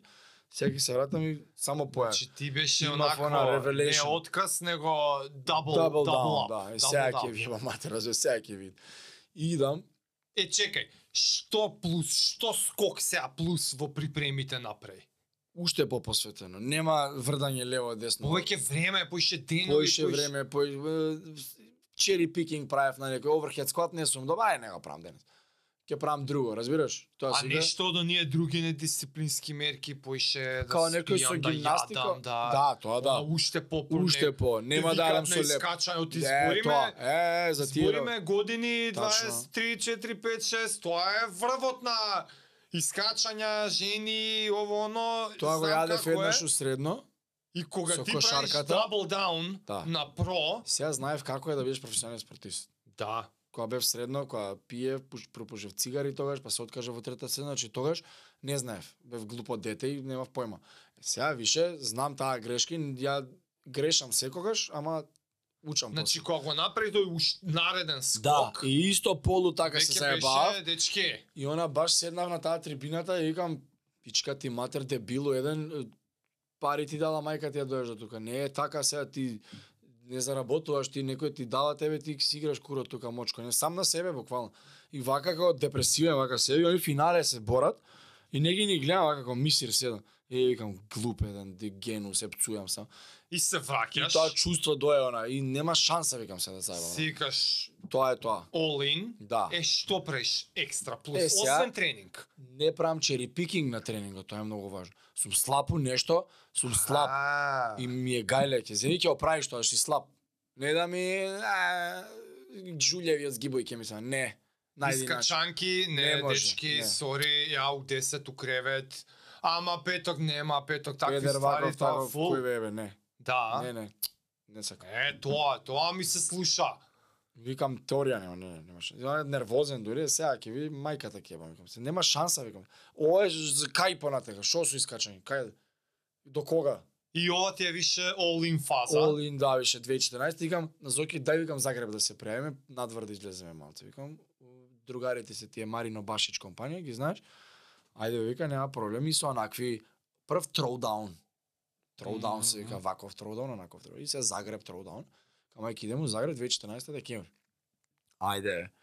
И ја Оли и и Зоки бевме и Кире беше со нас, овој имавте за метал нешто епизода? Кире у тоа време у Кросет Скопје, да, знам. Не, не, не, не, кај Оли вежба Кире, не, не вежбал никад кај нас. Кире, е, фит Пејачот. Да, не, Таде, ја не знам дека. Металец. Е, така. Кире си вежбаше кај Оли. И е, Кирче не, се... има доаѓано А, кај вас. има стопата на- со Оли доаѓа, Така, да, да, така така, го да. знам. Та. И е, Кирче доаѓаше со Оли, заедно кај нас и тренира. Мисля, Да. Кире беше пријавено на скелт категорија. Па ја на тоа мислев дека Кире има и Да, да, да, да, бе, да, доаѓаше, не, имаме тренинзи правено. Да, бе. Е, а со Оли се спремавме крвнички за ова. И немаше врдање тука. Тоа е тоа. Згибови ќе ми истепа на тренинг, нема оние, знаеш, има моменти што луѓе не ги приметуваат, не ги знаат кога си такми, за да не ме победи овој ми е конкуренција, се и ни- еј твоја вежба е. И у старт некој изговор. Е, сакав да него да го победам у неговите вежби. Застанам А. добар у тие што не сум добар. Така, да. А моите си се мои, нема кај да бега. И Френ после таа година направив 2.56, не знам зашто ама памтам така глупи времиња. PR по 3 минути, Френ е сериозно. Френот да не те оноа видеоно Не, што тоа е- кога гинеш. Тоа е плюс 500 метри рухо. Таа е другата, да. Френ плюс да, 500. Френ плюс 5. Кој да не е малце Френ. Е Френ тогаш 2.50 нешто и онака Оли тогаш ми каже е браво и сега си елит ми и онака се угледував ја у него, Оли ми беше овие вежби нема подобар у Македонија, разбираш. И тя Оли кога ми призна што се вика, знаеш, ми дае као браво. Сертификат. Да, баш, она ноч ми удри печат. До сега си елит ми вика браво и знаеш ти да уште кураш толку дете. И За у Загреб се спремат. И за у Загреб се спремам и сега идеме у Загреб и за многу малце не влегов во финалето. А, Од 40 и 50 такмичари 47 дојдоа нешто така. И топ 20 идеа финале, јас 24 бев, ама некоја Тоа беше као денес едно, утре друго или са бајле па два дена. поручек? С, с, цел ден. Аха, значи првиот ден и сега за вториот ден за финале. За вториот ден са бајлето правиш една Аха, пак. и од тие 4 се бодуваат, ако си топ Окей. 20 одиш финале. Пета вежба, 20, а, не полуфинале, 20 најдобри, од тие 10 испаѓаат и 10 Добро. те прават финале. И у полуфинале да влезеше таму, имаше сериозни такмичари, онака стварно добри се ден денес не се познати, може имаше на други имаше сега можеш се така овој Џури е, Џукич. Година Србија, осми свет беше. Даре го победи него на пливање на Адриатик Тродон 2017 година, на пример. Разбираш, до ден денес му го има тоа. и а тој е осмина в светот кај Рич Фронинг вежба се. И идеме таму сега и гледаш сериозно, луѓе ролери носат, ластици се тегна, чека, викам, кај Што? бевме. Ја уранец мочан, патиките сум ги ставил, ко за кошарка кој мал што сум се спревал. Шорцеви, мајца, чорапи, гаки, патиките у кеса и ранчето Аха. и толку. Некој ове си јадат пинат батер, па пиеш шејко. Викам, оли, кај да бе, што, што глумат бе? Остај, Знаеш што ми е интересно, и секад и мене исто така ми било. Ти ќе си кажеш all in и си мислиш готово и ќе искочиш надвор и пак уште еден нов левел не е откриен добро до кога. Да. Ја мислев дека сум in, што правите сега вие плюс? Што е ова со ластици се истега, па нешто, кукот ги отвара, па да. Нема, нема крај тоа. Има ја тие си земав се дешава као... Ја немав кросит патики, со Nike некој ранинг таму, кој знае какви. Ме интересира патот до кога те бутка. И идеме сега вамо, супер резултат и више тој начин на тренинг е тоа тоа, нема нема другачија, вака се спремај. Сега после такмичење нова година ова, на искачање глупости си давав по две недели. И сега доаѓа јануари, доаѓа Open. Аха. 2015 година. И почине се спремаш за Open секоја задњата недела од февруари. Викам тука таман се викам два Аха. месеца. После седми отварам и починам. На Рики му е слава на седми Божи. Рики, Рики? Да. Да, бе, уствари, да, да. На славата идеме се прави масакар и од родента се знае е, пресекот Пресец. за новата година е од Така е. седми, не од први Така е. канат. И на седми и утредента не постои ништо од тоа за мене, крај и тоа е тоа. Идеме и сега почиња припрема и 2015 не 16 кога бев најспремен, ама 2015 у старт викам ајде си увалам едно такмичење елитно да не смеам да врдам. Се знам каков идиот сум, како сам знам да се разубедам. И Атин Стродан. Атин Стродан имаше прошлиот викенд. Ова е пред да почне Open?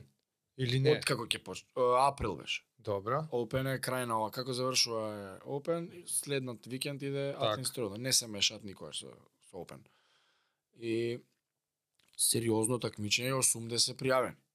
Со мене уште еден тој Мац и Ацо.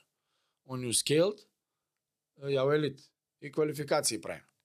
И од Србија баткиве и брате, брате, кој си, кај си, што си, како си. И ги правиме квалификацииве и пред тоа на Open спремен више, на квалификации квалификациите ги прави Се. полуспремен, тоа беше проблемот.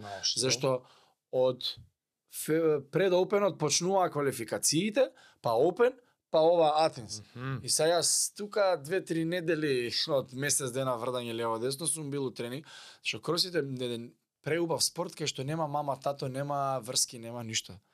Што перица, батка. Каде е црно на бело, молим лепо. Тоа е тоа. Колку Да. повторување судија? Чек, но време. Нема друг тим, Не, не, не, не. играч не е ти Татко подал. знаеш ли кој е, не знам, не е ни важно. Знам, бе, 100 обожавам брпис, такви спортови. 100 брпи за време, крај. Црно на бело. Да, префер. Што перица, саат камера, толку ти треба и 20 долари. Толку. И е, тогаш ги прави квалификациите, ама многу кога правиш квалификации немаш судија и пракаш клип. И секоја чест на овие што честно ги гледаат видеата едно по едно, а не е кај кој резултатов, не е на бафтана. И ја гледам, не влагам, разбираш, него 110 од 80. Ај, каму пичко, матера. Ти ева, да, е, викам да не влезам толку ли, викам сум слаб едно друго. И факе, тоа е, доаја понеделник и ми пишува, брате, ушо си тој Урош Смилјани, вика, брате, ушли смо, ти си 59 и ово, викам, како бе, викам 110 бе. Не, не, не, дриблале видеава да ме ги гледале. Очо имале нов репови. А, на крај памет ти правилно да не ги изведуваш движењата за резултат. од тие стоте пријавени уствари биле Кој украл, да, не пријавил поише, Вау. неправилно, no репс, разбираш, те кратат. Има до 5%, 5 репс ако ти се, не знам, минус 5 поените, Да, бе, да, јас. до толку и над 10 репс, 15% те сечат до Значи, резултат. после деталните проверки ти уствари Ја влагаш. 59. Најс. Ја не знаев дека тоа може ти Дека можев ја да пуштам онака видео. да. Ама не, нема да нема направено, не знаев дека се снимаш човече за кого крадеш сега. Мене Да, да, глупости да, ти се да мисле дека нема ги или неправилно да изведам. Абе ако е често бар ќе треба да мавне, ќе мавне, ќе се чуе Да, на да, видеото, да. не може да не мавне. Non-negotiable, крај. Не може неправилно да ги прави. И? Како што е стандардот, така. И ја влагам 50 и овие Урош не влезе за нешто смешно 85 тој Сава Џуровиќ влезе спремен беше тоаш многу кој 11 и 12. И една огромна глупа овие влегоа скел. Двајцава со мене. Една огромна глупост еднаш и никад више тоа беше прв пат во Атин Стродон и од наредна година не се дешаваше. На такмичењето го задржаш местото од квалификациите. Ја почињам 59, разбираш? Да, бе, тоа никад не е така. глупости на крај 49 нешто 39 или 49 се дочепив до 50%. Втор завршив дури една вежба од 80 такмичари тамо. Ама по една завршив па предпоследен. Аха. Ја таа година купивме ровер. Кој И веслам. Веслам само на роверот 4 месеца ја роу правам. Да научам. Сите такмичења имаат овие појаки, викам, идеме 5 км трчање прават. Аха, аха. Фала. Ти мислиш роу. 27-48, ќе се угушев, таму 93 кила. Јади, јади, јади на снага, викам, тука го јадам стално на снага. И у погрешен правец ме днесо. И тоа уште еден шамар ти малат, кај трна ти све треба да си спремен. Нема ти што да мислиш што ќе падне таму. Треба да трчаш, треба да дигаш, треба да оптимална килажа да си најдеш, значи све си влегу. И ја од четвр... втор километар цеваниците, знаеш, не можев да газам.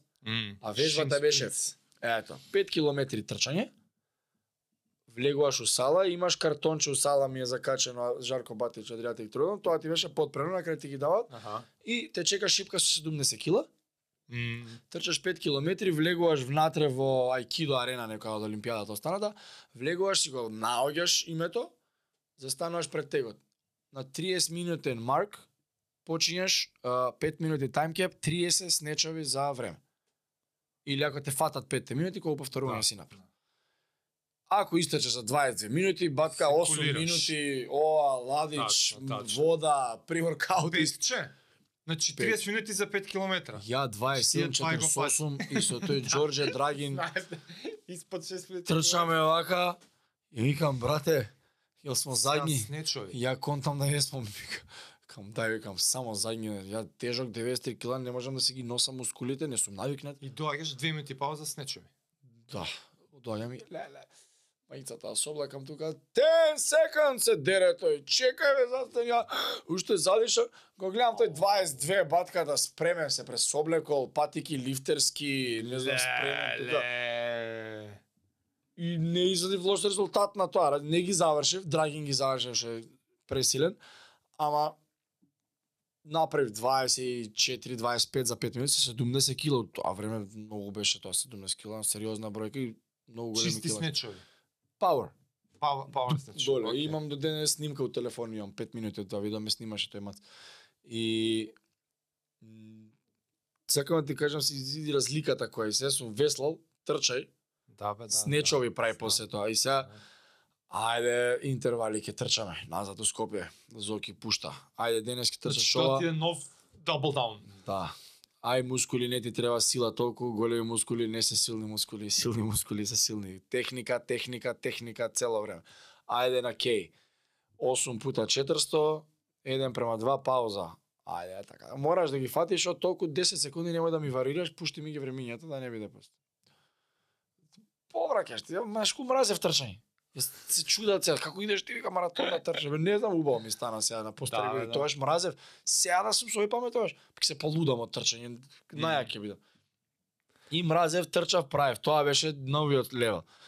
А, 2015 више немав такмичење, 16 доја опенот. Ма и тоа е. Така. 16 и бев фитест у Македонија, нели тоа? Многу јака титула. И од петорица и се приев на Адриатик Тродон таму. Чекај малце.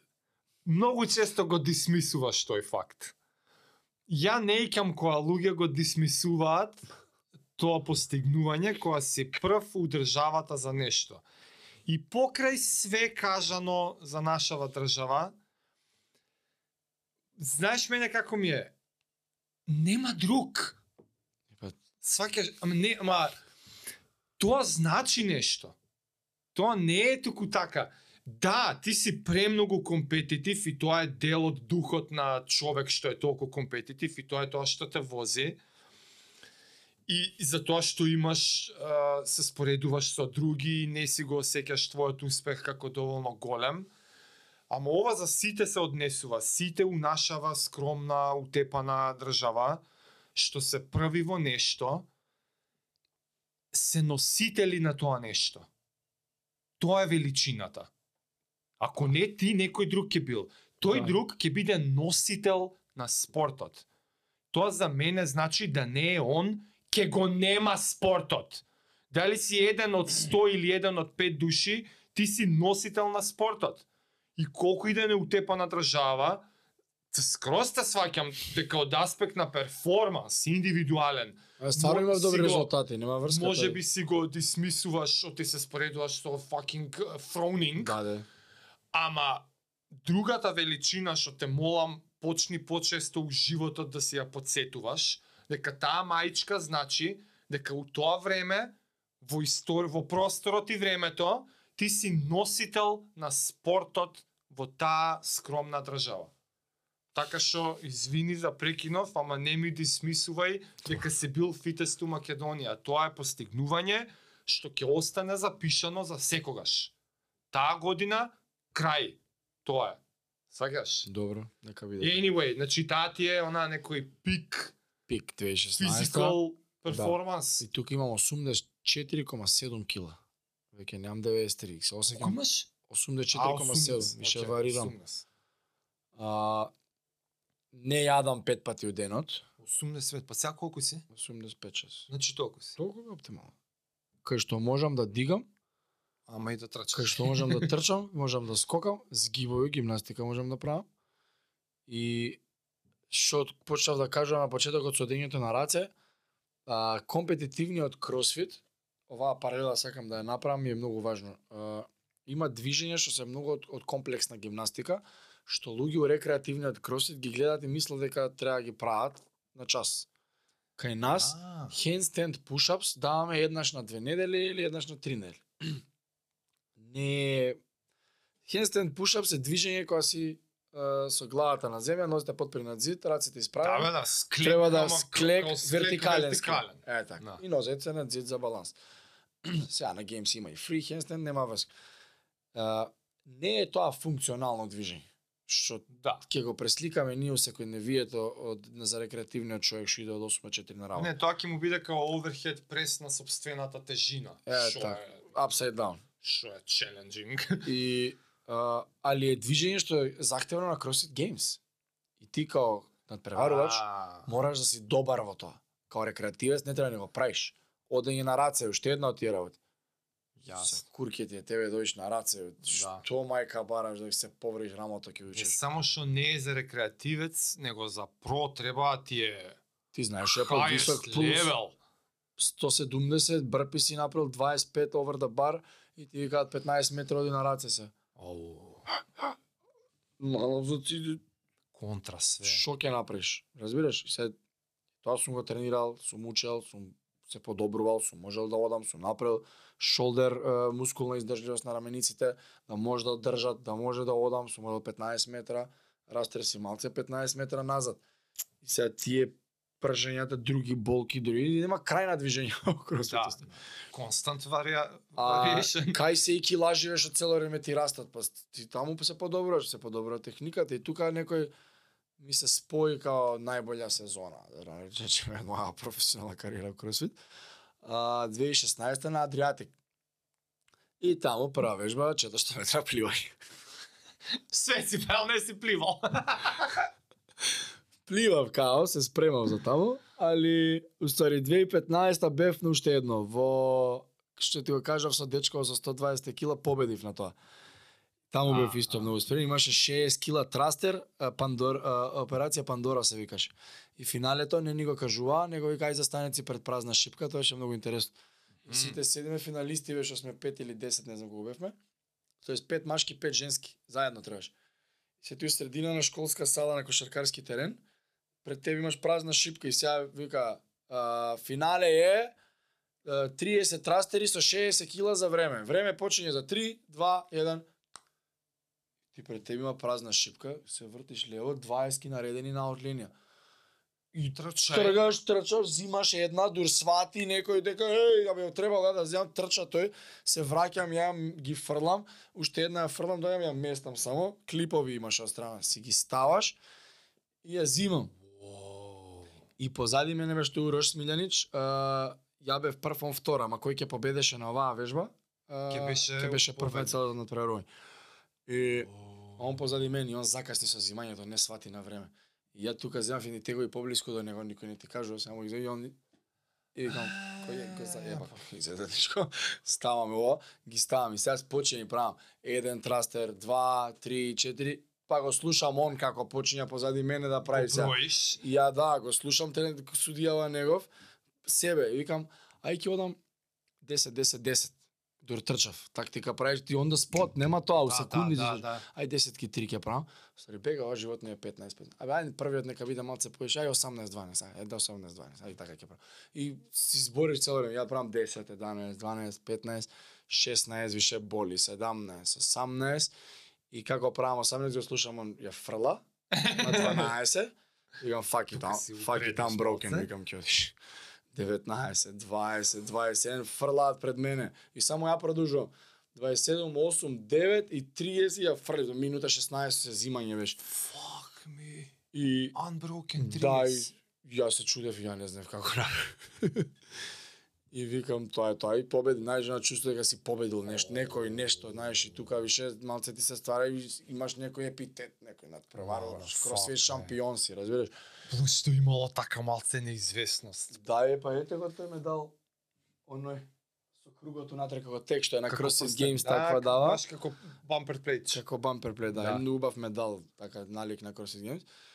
И тогаш баш без време и цвикам сега идеме уште појако, наредна година на Open и сега овие резултати се тогаш 16-та и Adriatic Throwdown. Таму е више у Хрватска во Умак 250 на што се игра Умак Open тенис. Мгм. Горан Иванишевич се вика терено тениски. По Горан Иванишевич да, да, да, Джокович што му е тренер. А, и буквално таму имаат играно Джокович, Мокович, сите Федерери, овие Доминик Тиемовци. Е, по раните фази на кариерите Да, да. и сите шампиони ги има на ваква на слика. И таму влагаше адаптирано за кросфит и преако, знаеш, се Тој осекаш шо баш на тениски е? земја. И што на врз него, не не врз На- него подлога ставија. На. И баш кога преоѓаш се гледа кај што нема подлога Така, дека е така, така. тениски земјен терен, али трибините се тие.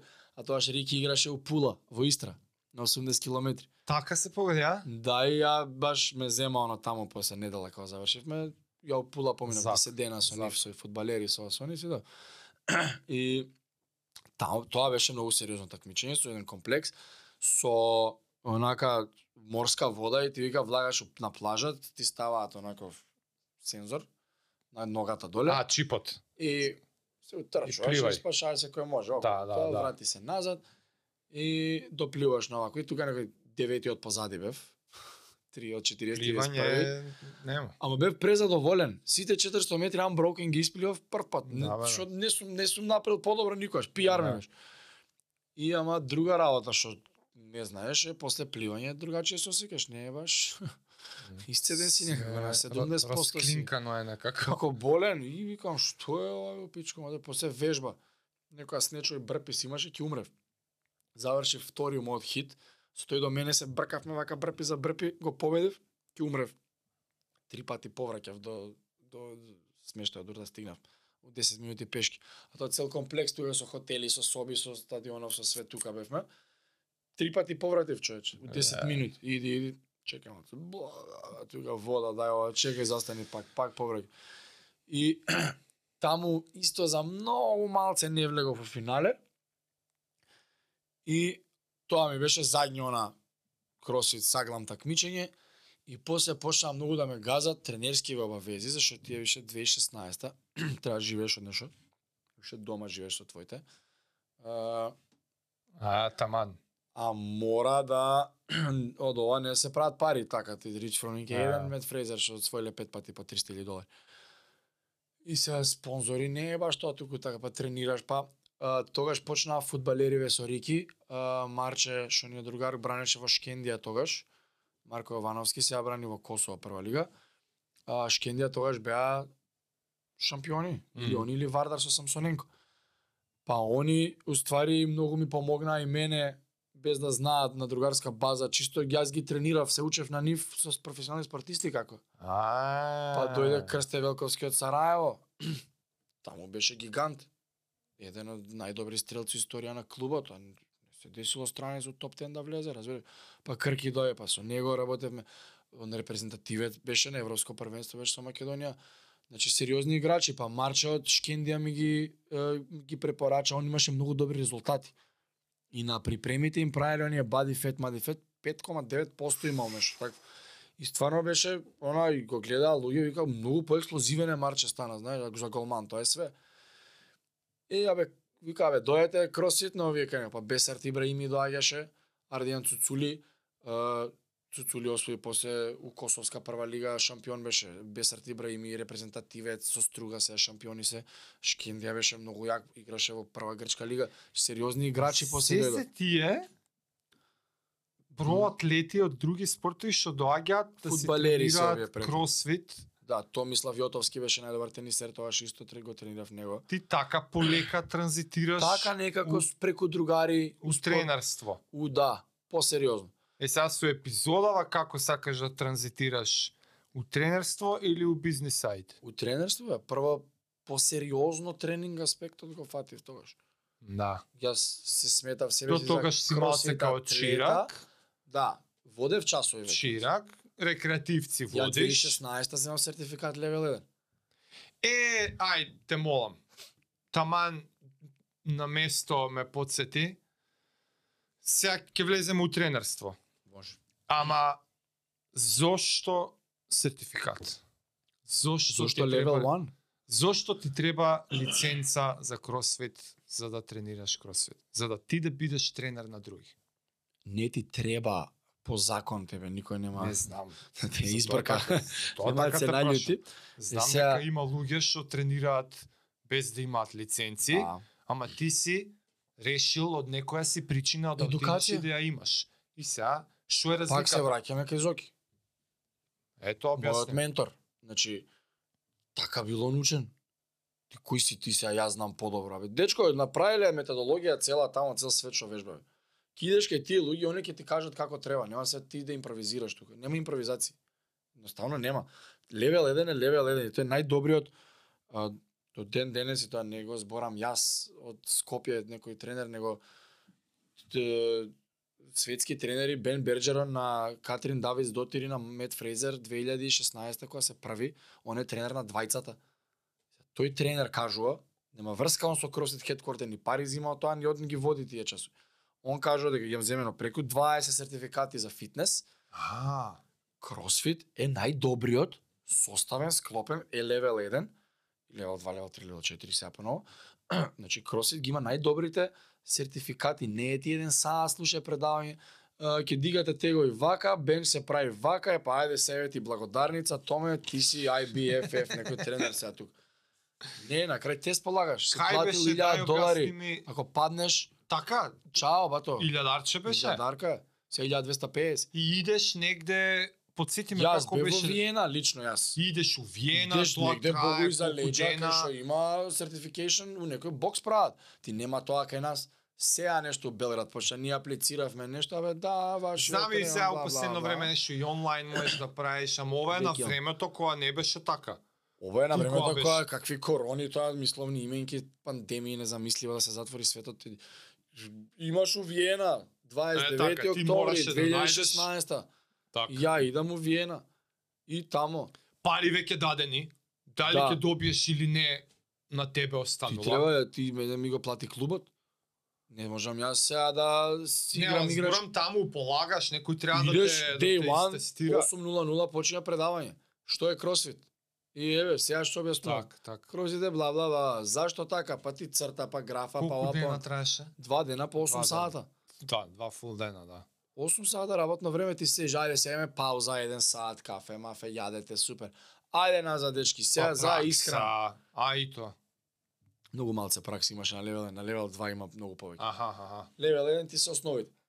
Те учат овие се девет основни движења. Тоа, тоа, тоа, тоа, тоа, се изведуваат вака, вака, вака, вака.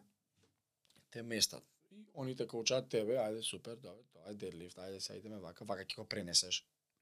Абе, на тие моменти нешто за како да се води джим се спомина? Ако прашаш. да, има по на кросфит начинот. 3 on, 1 off, 3 on, 1 off, цело време, ама тоа е многу непрактично у денешницава, се ти не може се работното време ти е па среда, па четврток нема да работиш, А, па петок, сабота, недела, па понеделникот е наработен и се малце глупо и да, се да, да. ние ги имаме стајано понеделник до петок, си се фул 7 до 11 и од 4 до 8 вечерта, а сабота е open gym од 9 до 11, ама луѓе пак као клас го сакаат. Има некои си доај open gym е, ми се прави денес маса лапови, Да, да, да. видов еден тренинг на интернет, да не го правиш вежбата на ден. Има пак вежба на денот кај нас, ако сакаш, ја ќе ти објаснам, не е проблем, ако не, тере брка работа слободно. И тоа може. Тука сме, само нема да умреш. Нема Да, става да, да.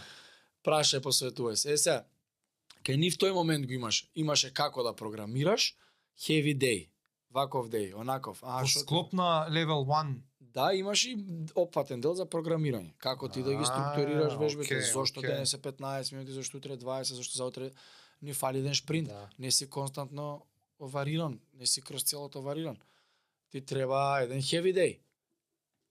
Heavy day е сега тоа у у овој комерцијален, како да го наречам, не е комерцијален, ама комерцијала си ти устари, некоја фитнес комерцијала си, не можеш се ти јас Као ќе ти кажам на некој рекреативен што го заболе што е кросфит и за овие сите работи тука да навлага он левел 1, heavy day. Ајде денес правиме пет пати по еден сплит jerk. Mm. Се ние цел час split jerk ја правиме. Ај мајсторе, доја си испод там, деца ми Да, плачат, да, доја да. жити се split jerk. Си оди под мишките испотен, толку гаки не сме што вика да искача. Значи ова е 2016-та, кога го зимаш level 1. Да. Некој од тие работи малци еволуира денес, значи има Да. Тогаш ти е групава со фудбалериве, 16-та, 17-та се фудбалерите од са ти се крши по- малце кариерата сега, Да. пренасочуваш проатлет, идеш на кај Сваќам дека не можам да се посветам, не е реално. Затоа што јас би сакал да го направам како кросфит атлет. Не може, батка, нема таа, не може. Како да ти објаснам? а сепак ти треба Ти за да работа, си еден треба- професионален кросфит атлета, треба три пати на ден да тренираш, не секој ден, барем два пати или три пати у неделата. Другите денови се два пати for sure. Нема no if, ands or buts. А да објаснам ја, кога некој тренира три пати на ден, останатите сати од денот, кога не тренираш, пак тренираш. Да. Затоа што тренираш, трекај што да истегнам. Тренирам, чекај да ги мерам, кал нема више на осет Не, тука. не, не, не. не. се илјадници, илјадници калории, нема cheat meal, нема cheat sleep, нема тоа 24 сата се ти на тренинг. Ја мет овој каже го Фрейзер? Да. Ја кога гледав за него Не реално. 24 сата него му е Иван Кросфит- Драго Роки 4 Да, бе. да, да, да, да. мери спиење, мери јадење, мери стречање, мери не знам кажуваше цела серија Офис 9 сезони е, 17 Да, пати ја има прегледано. Се истегал. Сваќаш не Ако вика се осеќам кога да не правам нешто, а може. Тоа се дешава само ако ти друже имаш леп 6 месеца некој плата, а ти дае За 6 да месеца вежбаш. он има посветувано и поише за еден геймс. За да вежбаш ти плаќа некој? За- за- За да вежбаш. Што спонзор треба да е тоа? И колку спорта од треба. да има. награда нема да живееш. И плюс тука наградниот локално толку фонд. често нема, а Америка има, он бил добар прво место ќе испосвои по 2 по 3000 долари лапал, две три Ништо такмичења не месечно, тоа, пак не е ништо. И Треба да ти биваш тренер. Тек сега се фит гуру и компанија кај нас. Тогаш ги молев да направите нешто Да. човек. Paleo Power Meals има ти дават. Да. Да. Чекај, да, да, не знам. За еве ги 2023 тргнува. Е, И сега, јас сега окей, се ми одговори зашто лиценца, тоа ми беше многу важно.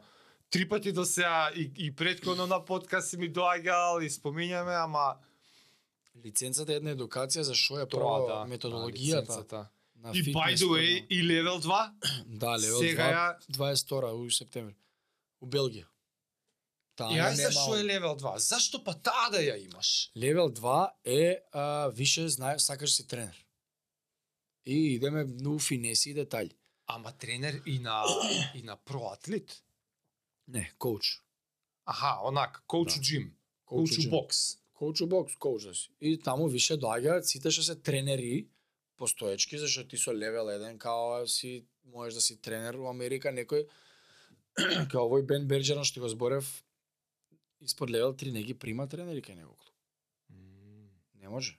Мора левел 3 да имаш или до левел 2 ако имаш си чирак и да не положиш левел 3. Е, тоа се да кажам, ти па треба им да имаш искуство као Тоа е те, up. као чиракување неколку Според мене години. да и тоа многу Па години. идеш левела, па ај сега пак уште многу години За тебе ти стане јасно што сака она да кажат искуство они. од терен. Да, е, баш. тоа, е. Што зборат они за сватиш, ти бате треба да си поминал сати, луѓе да, Да, тренираш, да. да. си видел све и свашта, за да знаеш што ти зборат и за некои искуства како ти да се справиш. А, да, со тој тој имав тоа. Но и ти текнува одма те враќа негде. Чекај, нешто сам да прашам. Зборевме како си го имал свичнато мајндсетот кога си решил да си про, атлета. И рековме, неколку левел ап си имаш направено. Ова жртва, уште поише жртва, уште. И, окей, тука скроз те разбирам што значи посветен и, и обземен. Кога веше реши да си посветен тренер, што што свич, што мајндсет левел ап мораше да направиш за сега у таа сфера да си или имаше Како све почнува имаше таков свич као сега сум all in coach. Да. И што се деси А, у тој период? 2017 или 2016 си викаш супер година, а 2017 више као ајде да ќе бранам титула, ќе се спремам. Катастрофално не спремен, тоа, ужас, истиот процес, катастрофа не видена. Не со тој однем, не однемање време, уморен си цело време, бе, ти е мука, не знам како ти обяснам, ти вежбај, води, ова, цел ден спи, стани, бе, дошло недела слободен, вака проминал, ајде од почеток Mm и некој луп како хрчак, некој трчаш уместо. И пак има патоказ некој пресек тука. И сега ај ќе пробам опен, имаше една вежба прв пат бучи си стаја, а, како креаш Кеттлбелс? со не, со дамбелс. А, окей. А, та, а, бучи. Снеч на 150 повторување го фрлам и ми паѓа директно на палецот на ногата. И тоа беше перфектниот изговор за да прекинам таа година. Са не изгубам од Дар или од некој, не знам, од Оли, кој да победи таа година. И стварно ми отече сега, дека стварно нареден тренинг беше некој изчекор и стварно немаше може да го направам, ама као, фак, добро ме спаси повредава, знаеш. Ајде, Ама назад. психички она ти олесна, а? Малце да, викам, и добре. Си се најде, да. не, а, значи ти веќе си го мислел, Подсвесно, ама да знаеш, идам ли да... треба да си реален и искрен со себе. Е, па тоа, тоа те прашам. И доаѓа моменти се лажеш, се лажеш, се лажеш, може би знаеш дека се лажеш, ама несвесно не веруваш, не си признаваш. И еве ти го. И доаѓа момент да викам, сакам ли општо да се такмичам или живот ли ова да ти Навам ако тргнам по овој пат, што ми носи ова, pros and cons. Ова е sustainable, дур не умрам, можам не треба ни пензија, што се вика, можеш час да водиш ти и Stardust. За тренерство. За тренер. Ова многу е вариабилна и ризична таа професија и работа. Една повреда, нема инкам, нема ништо. Особено спорт, што не е популарен.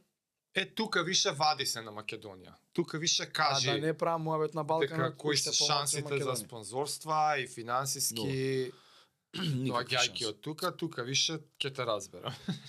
Да, и вртам десно, идам по патот на тренер. И едноставно, мене од увек ми било зашо да вежбам крвнички ако немам за што да се спремам. И не можев да најдам убавината у рекреативно вежбање. Имав некој е бил проблематичен период, сега глупости да, да паѓам у депресија, кај што бараш, престануваш, почнуваш тренинг, скокаш, рипаш, некоја програма, ова. Непостојан си едноставно. Нема Мгм како утка некоја лутав, знаеш, у тој у тој сегмент. Знам, знам не мислиш. Не можев да се пронедам едноставно, Да. бе, не знам како да ти кажам, не Ја не мислам дека тоа не обходна транзиција. не ми беше убаво да не подсеќаше на болка многу, ми беше тешко цело време ти знаеш е склад клинови да правиш, те болат нозете, ти имаш шеста сесија у среда. Трет ден од неделата, а сесија една се содржи од 3 до 5 2 еве до 4 трени- вежби. А. снага, па мора да чучиш тешко, мора тежок дедлив, па кичмата ми е воспалена, нозете ме болат. Убиен си цело време, воспален живееш, не воспален. Замислете си најмногу воспалени што сте биле, па пута Така. два, цело време ти така. Секој ден. И вежбаш по пет пати у денот, секој ден. Недела ми било одмор и четврто као помалце волумен. И едноставно не ми беше убаво, не знам како да ти кажам. И со тек на време после си најдов убајена. Со група вежбав. Еј, а, е, па, знаеш, почна не ми смета ако ме победи некој вежба. Порано црв ме јаде, А, не ми беше се едно, некој ќе ме тепа у нешто и се ти си тој топ дог у салата. А, И- Имаш и тоа филинг, а? и те јаде црвот, а па од друга страна ти викаат ако си тренер и надпреварувач, ти не смееш некој ти полоша позиција да оставиш за да не те не да те посрамот, ема да направи подобро време од твоето. Да, да, да. И сега и мац подобро жаре направил на вежба и вежбаш ли ти бе, зашо тренираш два пати? И сега тој момент го нема више. Кој заебан И момент. знаеш каков е. релиф е као ме боли кур. Ти се така си се полека ти дое Да. као едноставно се деси се се фати себе си дека не ти пречи. Не ми пречи. И 2018 опенот го направив. А, не ги повторов вежбите, ми беше гајле. И тој еден ми викаше, зашто не ги повториш вежбата, знам дека можеш подобро. I don't care, му викам, не разбираш. А као ќе направиш еднаш и да пробаш ми пак гајле. појако. Даре му правев а, шо да брка таргети му постави. Да, да, да. да. Ја имам волку, тепај ме мене, помини го, тоа е тоа. Вајда Да, бе, да. нешто имам топ резултати, колку толку на маса лап, на ова техники што ми остана. Ја пак сум бил горе доле спремен. Ама не е она вон серијски спремен. Сега муабетот беше кога с- кога влагаш онака all in, што ти Таа е по, по полека е тој шифт. тренерството. Пак е искуството, пак е комуникација, значи ти да си тренер, м, у сек, вајда за све така за секој спорт. Прво е а, социјална интелигенција треба да имаш. Да знаеш да работиш со луѓе и да сакаш да работиш со луѓе. Дали на почеток си забележа дека у некои такви е, области као ти фал ти фали нешто па да се фатиш видео се не не успеав да искомуницирам со овој или па да си доеш дома и да си фалело да работиш на случајот, на бе. тие вештини. идеш на L1 и викаш ја ништо не знам да ти. Ш- Пет години, 3-4 години сум у кросфит. Оно mind blown ти седеш. Збориш за ова За сертификати. првиот да. сертификат Ти лиценцата. знаеш, не дека не знаеш светот ти те е познато, ама ти оспакува тебе него приказна си као уј, тоа е друг реалити чек. Чека бе, па. Ја можам и подобро да. Значи таму на за таа лиценца и такви Ете, ствари. да, тоа што сакаш прашање, ти го одговорам, изгледа тој момент, да. да. Кај што она пак си искрен со себе и кажеш, па, добро. Друго е да знаеш вежбата, друго е да друго да предадеш на знаеш да илјада пренесеш луѓе. вежбата, да, и друго е да на пет различни луѓе на пет различни позиции ги скоригираш за да го добијат истиот резултат, тоа е да направат вежбата правилно, безбедно, најбитно нели од све и правилно. И да му значи шкилажата и бла. И сега таму ствари ми дојде Revelation, да, Кога видов како работи светот, што е уствари основната замисли, тука некои работи ми станувале, јасни зоки што ми ги зборал предходно. Ти пак те држи оној лаички македонски менталитет. Ајде тоа Америка, разбираш? Абе не е во Америка. И Зоки стално викал, uh, act locally, think globally. Аха. Вика, Да, го знам тој квот. како Америка, така и кај нас бе друже, вика. Не ме интересира мене тоа. Абе, у Македонија, не, не, затоа сме таму кај што сме, не. Ќе биде како што треба да биде. Сега ти идеш на Еледен, аха, стварно бе управо, а ова сакал да ми го каже, разбираш? Идеш на левел 2, од 2014 ми се враќаат сега совети ги сваќам. Стварно. Да, што сакал тогаш он да каже писателот од тоа време. Вау. Ја таму викам, и му се јави, викам, Зоки, бе, што не си кажа? Што не кажа, бе, ти? Изоди Ама го и така, патот, да, изоди го, не- дознај сам што Не е така. Ја на него ствари Му правам ретроспектива, абе слушај ти која си ми кажа знам бе, вика знам, добро. Ја и мора вика ја трпим. Друг мозок е 24 годишен мозок, друг мозок е 30 годишен мозок. Искуството е друго виш. Не е исто. Си поминал луѓе ти поминале аутистични деца со посебни потреби, специјална олимпијада, професионални спортисти. Други спорт, да, други спорт. А, си вежбал кросфит, ај не можам да кажам професионално, ама компетитивно, си се такмичал. Да. а, си бил со таков тип на луѓе, си тренирал таков тип на програми, значи имаш више искуство, имам Абе, ја- палетата ми е голема, можам да бирам сега Која година ти улетав ја, бе? 15 или 16 дошло. Пред да се роди керка ми, значи 16. Почеток, поч, почеток на 2016. Ти веќе си беше коуч таму. Не, не, јас, ја, вика, јас сум таму од 2013 коуч. Тоа не е Ама не, не беше чиракување.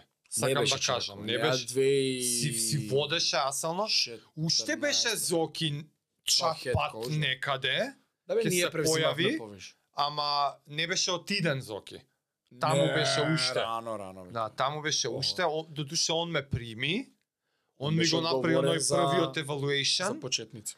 Е па 2016 ти доаѓам ја. ја бев, види се, и мојот стил на те. Ја ти бев прв Iron Manец што ти дошол на кросфит. Ете си. ја види начинот на Ама не, ти потврди ми. Дали пред тоа некој со Ironman триатлон ти дошол на кросфит? От ја така си мислам. Па Ја не сум прв Ironmanец у Македонија, да не ме сватат. да, да, Имало други да Ironmanovци, Не ми до топ of my head. не. ама што има отидено на кросфит Ironmanovец, сум ја. Затоа што ја имам гледано на, на YouTube еден Ironman endurance coach истакнат Крис Хиншо. е Хиншо, што има влезено у кросфит да ги Aerobic спрема, да ги спрема аероби капасити кросфит атлети. Ја така пратам видов, гледам. ја така видов чега малце и за овие спортови, за extreme endurance. Ама Ја имам бенефит од кросфит. Охо. И ја завршување Ironman Majorka 2015, малце off season, Фул фул, а? фул, тој ми беше фул. Off season малце одмор, сам почнав по дома да правам табати. И чеках са табати смешки, ми се прават Олимпикс и така беше 2015 на кај 16 зимата ја бев прв Ironmanец што у Македонија отишол на Е, па ти си први, па ти ја не Ете, познам. можеш и тоа да се ставиш у себе. Врзиме. А, и тој ја тогаш бев познат, не познат како познат познат, него како у сала ме знае како тој што сака да ги малтретира поише луѓето, што веројатно малтретира да спекна, ајде запни, ајде можеш поише ова, знаеш. Начинот на Да, бе, да го- да- коучинг бил таков затоа што јас сум бил такмичар тој период. Аха, аха. Тој мајндсет уште ме држал. И да те запнам да направиш поише да ова, а Саш да кажеш сега си малце... Сега сум помек. Тоа што заебава, Гебелс ме вика некој како Гебелс, оној Гебелс. Девек жаре Гебелс. Вој што мучал? Да. А, леле, надим. Да бе, да. И се, се разбирам зошто треба Да, со да, некој да сум помек. Тогаш ќе сум не било правилно тоа тогаш. Така Да. сум мислел јас дека треба. Ама се со искуство и со едукација добиваш и се има повеќе информации, можеш да се едуцираш. Како вистински сега сум од дискус хернија да оправиш човек да дојде Е, до да така. проводи, тој не можеш да го запињаш ти. И мене тоаш ми иритираше некој која ми се влечка, која не можам, не се лигавешници, знаеш тоа, не можам да поднесам тоа. Да. И мене ме нервира и викам тргни ми ги овие, не можам, знаеш се не можам со почетници, ја кај сум бил за со почетник да работам тоа. Ама го- полека, полека ти Ама се... прогресираш, еволуција е тоа нормална работа. Не? Тоа е убавината на Ама и Зоки ми давал да грешам. Не, не Да можел да ме избрка 500 пати. На секој човек различен кураж Да. му треба. Некој одговара на Некој Но- сака да го форсираш. Да, До ден некој денес. сака, И некој ти ја сака. форсираш. Некој Никој не сака, бе, му се остави. тереш у фаца. Некој сака, Остави. тргни го. Не, тргни се. Мани ми се, знам што правам. Јас сум таков. Не ми Да, кажи, да, нема да, ме мотивираш. Да, Значи јас као што може да се изфорсирам, не може никој да ми избори. Некој сака encouraging. Браво, супер, леле, одлично ти Ајде, оди, ајде, одлично ти. А некој сака, врска немаш бе на што личи тоа, тоа ли е пула? Е, така. Сакаш и тие. И пази се, ај што треба да да осетиш кој како сака, него и ти треба да можеш да играш различни улоги. Цело Ти време. сега треба да глумиш некој што што така куражи, па некој со вака да се смениш, а ти лично по карактер си на трета верзија на Ти човек. знаеш како иде тоа од секунда до Колку е секунда. тоа не не е могуче. Некоја жена, на пример, со пластика оваква, не со пластика со една тенка шипка имаме 10 кила е таа, извадени се, извадени се тие импровизирана лесна шипка. Аха. И сега некој снеч вика бе, жаре, тешко ми е бе ова, дај, нема гајле викам. Оставя таа, земи си пластика. Ајде бе ти што се влечеш, зимај со 40 кила. На од- на Одма, наредниот, да, да. Разбираш? Да, бе, ја. Вака иде. Па тука некој добро ако не иде уживај, земи рачен тек полека. Ајде, исправај кичмата. Више ти е тоа онака О, тоа страна кој знае кој изгледа по како ретардиран па ти, да. Она е split personality. Баш, баш, оној филмон. Да, да, да, да, да, оригинал. Ле. Добро, добро. Ајде што, бе, ти уште се влечеш, ајде брпи со три до Трет човек нешто го осташ. е со такмичари или професионални спорти, спортисти е non-negotiable. Денес треба да се сработи тоа, Да, по тоа време, у тие интервали и мора тоа да изгледа така за ти да бидеш Да. така спремен. И нема тоа, не може да... Да, ама и кај ни више прашува, ама кај ни више гледаш финеси, тука милиметри се си упрашање. изненадиш што све не им Да, фали да, основни да, да. овие GPP работи ве Да, да, да. Абе, не може. Држи го точка 62, не на 58 RPM. Крај, Да, да, И да. ти проаѓаш позади, пе 61 да ти. Ало, му се ви ало 62 шо прави тој уба бе нема да бе не ми избориш викам ајде работи се побрзо. И на крај му викам за ориди Да ово разграничиме. На атлета професионален да. спортист е тој. Тој атлета одбрал, он го одбрал тоа. Не наметнуваме да, да разграничиме. Или Некој што одлучил да, Да. биде атлета, тоа е тоа е пакетот. треба тие параметри да се исполнат за Така тој. е, крај, тоа нема е тоа, тука- не ме интересираш.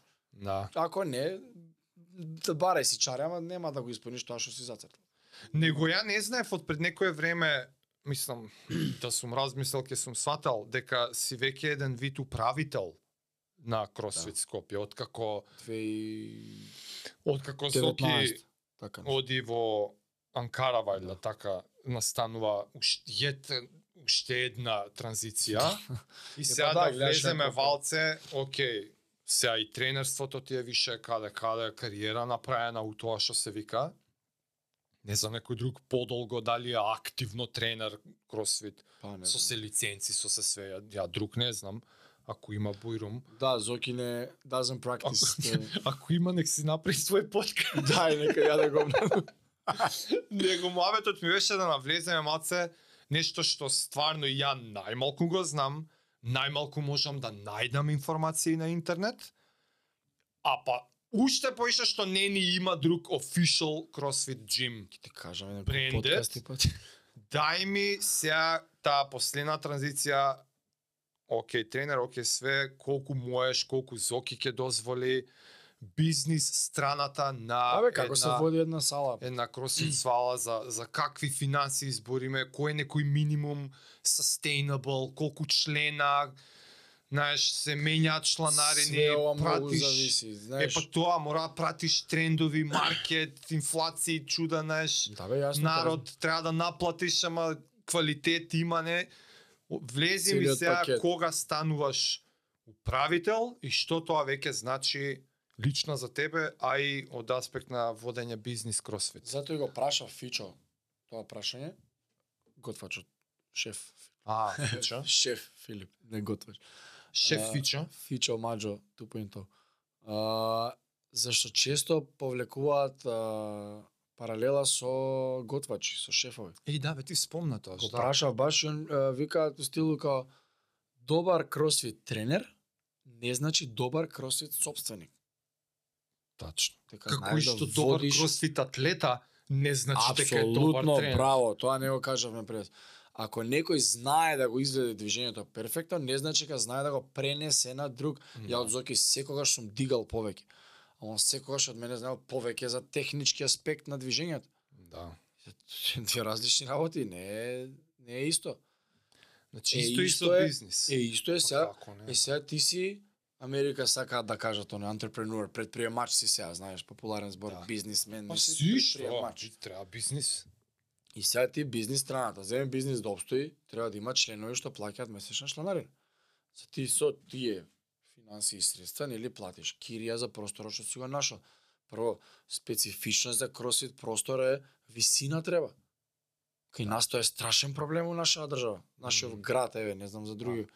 Ама така ги прават градбите што тебе за кросфит ти треба барем барем 3.05 некоја основа за да можеш wall ball да фрлиш на машка мета. Не за да можеш и 3.05. масалап да направиш. Да не правиме овој за масала. И, јас сум се просеч, просечни метари 80. Ако кренам рака, тоа се 2,20. Значи на 2,30 треба да е шипката.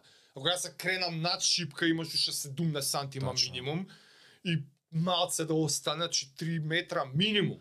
на свој простор што 3 ни метра најде. нема објект у државата што има таван на 3 метра. Е па имаше првата сала, треба да првата сала имаше. И баш од надвор се гледа како со крофе, и знаеш Аха. таква е код. И стварно беше 5-6 метра може висока, многу беше. Тоа било Тоа саличе беше некое. идеално, ама една долга таква, супер беше салата. Ама немаше вентилација, пристап до прозори, А, а, грење, ладење, тие работи, малце што се горе беше лим, плехови. Не беше туку така, имаше други, Значи други работи манка. инфраструктурни ствари. Најголемата заебанцијата. Ти, еве, месец дена најди простор. Да, бе, знам, знам. Не можеш да најдеш простор, нема.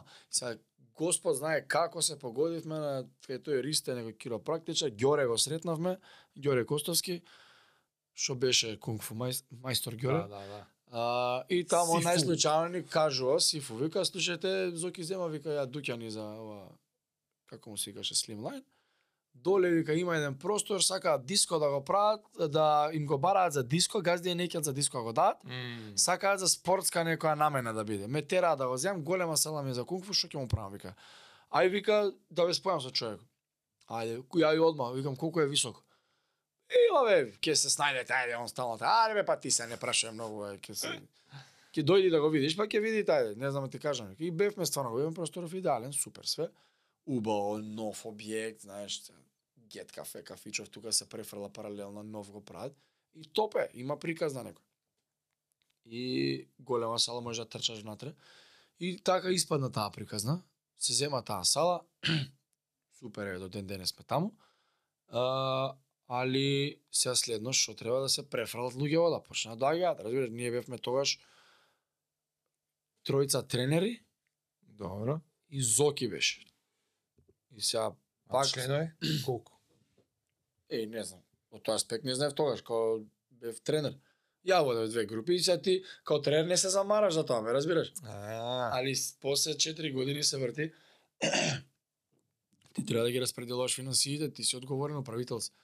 Да мора да има за кирија X цифра. Ај стварно, Кирија очигледно, зашто друго оди?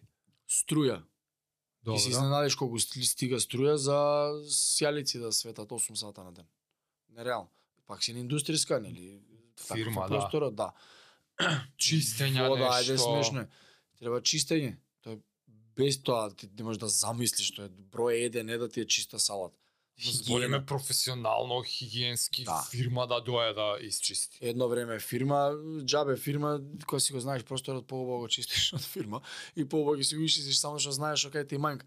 Јас секој божи ден, секој божи ден без исклучок, останувам од Сабајле, го усисувам цел под, Ама тоа е по секојдневно одржава чистина. Да. Јас зборам да дое кај што има креда да се изџогира Да. тоа, три пати се џогира подот плюс и се метат плочките, се бришат со средство, вецињата не прават муаве, тоа секој ден се чисти и чистачка доаѓа три пати неделно. Ето. Да направи онаа генералка, она да земе со доместос да Па изриба да. тие дезинфекција. Ама ја пак ги правам и тие работи. и Се ствари, Добро, друго. Секој ден се чисти кај нас, разбираш, шест пати неделно. Да. Ама се ти затоа мора да сакаш ти оваа работа. Ти секој ден треба да си и чистач. да. Не е тоа туку така сега ти. Сме плаќали фирма, не е страшно тоа. Пет пати доаѓала. Ма не е тоа тоа. не е исто. Абе, абе, добро, ја треба и зграда да одам да чистам, треба и вамо да чистам, треба. И никој не ти го ишисти кој ти својата. Затоа три пати неделно, супер си е жената. Јас подот не и давам да го пипка, јас го секој ден го седам, јас. Добро, зборевме за трошаци. Чистач, после е, овие режиски, комунална хигиена, плаќаме лиценца, плаќаме апликација за чекирање, за систем да ти ги водиш да, новите. онлайн тоа. Да. Е, што друго имаш од трошкови? Како влад... Тековни се десило срање, треба да- значи треба платиш, не знам, ти тече цевка, треба водовоđа да дојде, треба смена да такви Да, ај тие до негде можев да ги предпоставам. Зборам за опрема, амортизации на опрема. Опрема, фали ова, фали она, цело време треба да докупиш. А, старите шипки се, а, нови, се На више се кој постари. период и како или тоа? Па тоа е малку и на осет да ти кажам. Дури ја пратиш опремата, например сега нарачав нови овие медицинки женски. Овие А, старите топките? више не се добри, се нарачаа нови и екстра 2-4 кила за шима некои почетници со таа фрлаат по полесно. Тоа е стоја. И ти ама мора ти да почнеш некои basic основи се мора да имаш онаков а, И сега, сега Рик. чекай, ти како управител, ти ги мислиш овие работи. све, Све. да. Day to day обврски свето. Фактури, пишења, сметки, плаќања, Све, све, све, ти си подписник, Да. книговодство, Имаме вајда, сметководство, ете и тоа уште. книговодство ти треба, па таму Да. документи Таму носи. носиш фактури да ја правдаат, па дека си ова, дека си. Од кај ми се врти некоја бројка од као за Sustainable CrossFit Gym 150 члена. Од мене. На Ти го кажа? Да. Ти на, го кажа? На ние првите кај тебе Е, ама тоа е како светска реф, светски референтен Не, тоа е референтна точка тоа е- или Two Brain Business. Uh, они се компанија што менторира CrossFit сали. И uh, се исто важи и за нашево тука Е, поднебје. па сега нивната теорија не, за 100.000 долари годишно зборевам. А, А, 150 члена месечно ти треба за 100.000 долари инкам годишен да имаш ти од CrossFit и сега си да како и ти го разложуваат процесот. окей.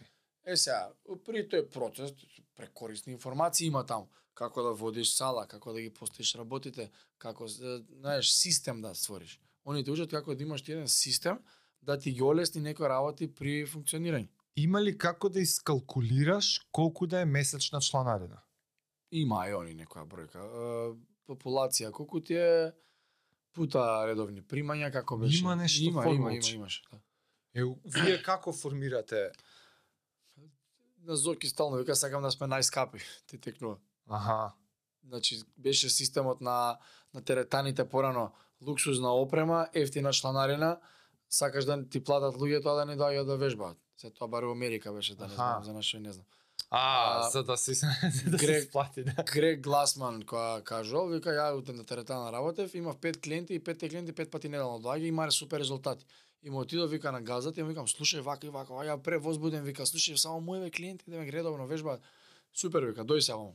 Ги гледаш вика оние картици не вика за панч тикет вика годишни чланарини.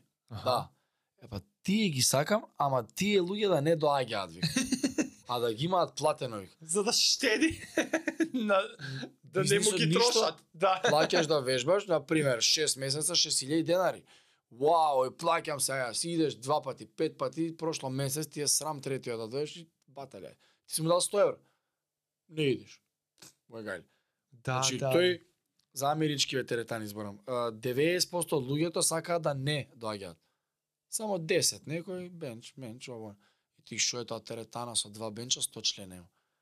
Тие луѓе нема ли да се поклопат некогаш како ќе функционира тоа? Значи, знаеш, Бизнисот тоа го преферираш, тоа е бизнис, малце мо, бизнис моделот е таков. лицемерно е некако за ти си у да. индустрија за здравје и тренинг, а да ти профитираш од само со од невежбање. Да. Секоја чест на исклучоци. Али сега у задње време гледам и теретани, се малци полуксузни, посолени чланарини имаат. Саш да кажеш на кросфит моделот не е Кросфит модела не е фенси таа ти тука ќе имаме ние техно джим. Немам ја корист да доаат да ми се предплатат 6 месеци унапред да не ми доаѓа после. Ќе ти ги вратам парите. Ме нервира тоа. Не, не, не сакам. Мене ме нервира ако не доаѓаш. Да. Сакам да е пуно цело време. Да има народ да вежба. На кросфит моделот бизнис е а, скапа чланарина, одлични тренери и едукација, кај што те учат како да се движиш, нели како да го движиш правилно собственото тело и како да беше едукација за поздрав начин на живот. И да биде скапа во Америка е 250 долари кросфит Да. месечно у група.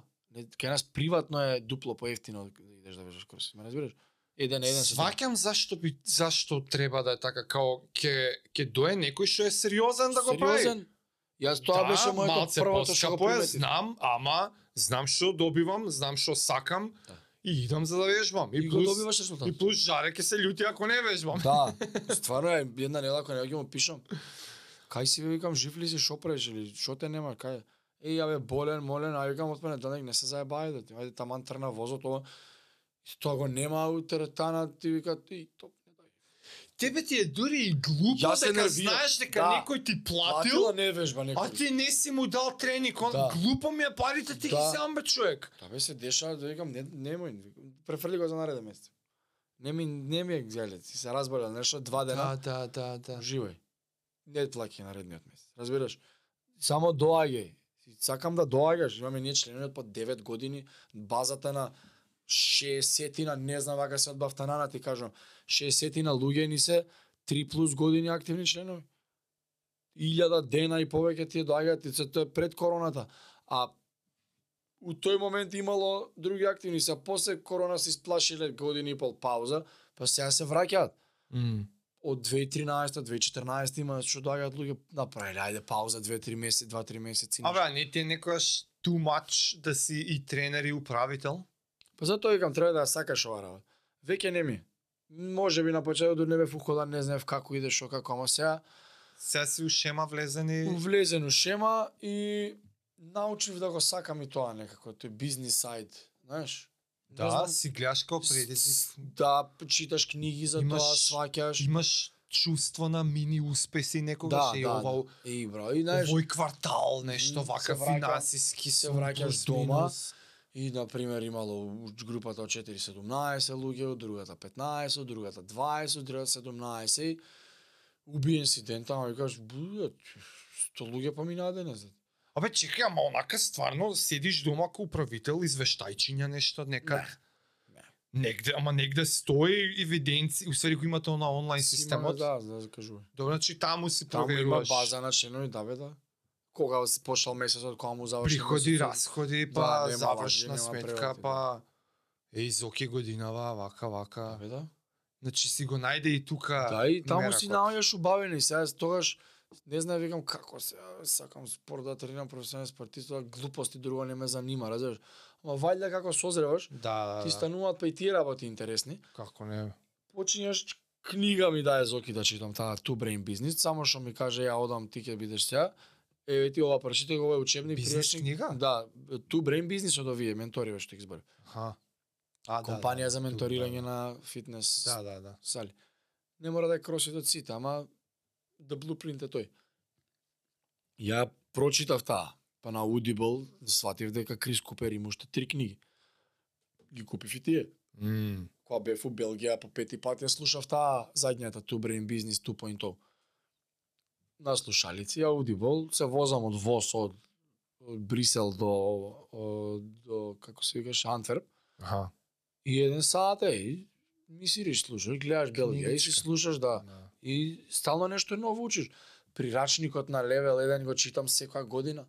И стално нешто ново наоѓаш. Како да го пренесеш знаењето, предиш на левел, на левел да го читаш цел 60 страни, ама злато вреда ти ако ти си by the book таму, тоа е тоа. За тренерскиот аспект, за бизнис аспектот, бизнис книга читаш и ти се мора да се надградуваш. Зоки стално вика, е, човекот учи дури жив само ако сака. Да. Да, да. Само ако сака, тоа е негова додавка, знаеш, и, и точно е. Стварно дека ако кажеш така, Човек учи дури жив. човек ќе си И мисли, аха, не, не, значи не, јас си учам. Да, да, жив сум, е, А, учам. значи јас си учам, а свирки А, учиш. Гледаш телевизија, филмовите. Свирки учиш. Само ако сака. Да. Полето што си, у интереси, у хобија што имаш. И а пак ќе ти кажам, сум имал среќа да имам и добар ментор на Да. тоа поле да ме научи да знам. Али пак мора да се посереш од грешење, не може Е, мора тоа. да грешиш, човече, мора да У што фаза си сега некоја Еве си се нашол во тренерство. Сега веќе си се нашол и во управителство. Некако не знам како кој е следниот чекор? Па не знам ни тоа От има има чекор кој што е не се оптеретувам од следни чекори. И веќе гледаш убавина во во моментот сега и може може си у таа некоја фаза. Па да, гледам обавено. Као тоа е тоа или имаш нешто што што може да е наредно. Никад не би сакал да се тргнам од таму да да не бидам тренер. Да бидам само джим менаџер, ме разбираш? Секогаш ќе има нови луѓе, секогаш ќе има. Мене ми е нови- интересно, убаво ми, јас се нервирам ти ако не знам, не, не зашо да забушаваш. Да, да, да. Се ме нервираат тие работи. Кога нема да доаѓа некој да е нередовен, кога нема поубаво чувство кога ќе видиш еден човек и сам у себе ќе се кажеш кај тргна човеков, како ли ќе го правиме?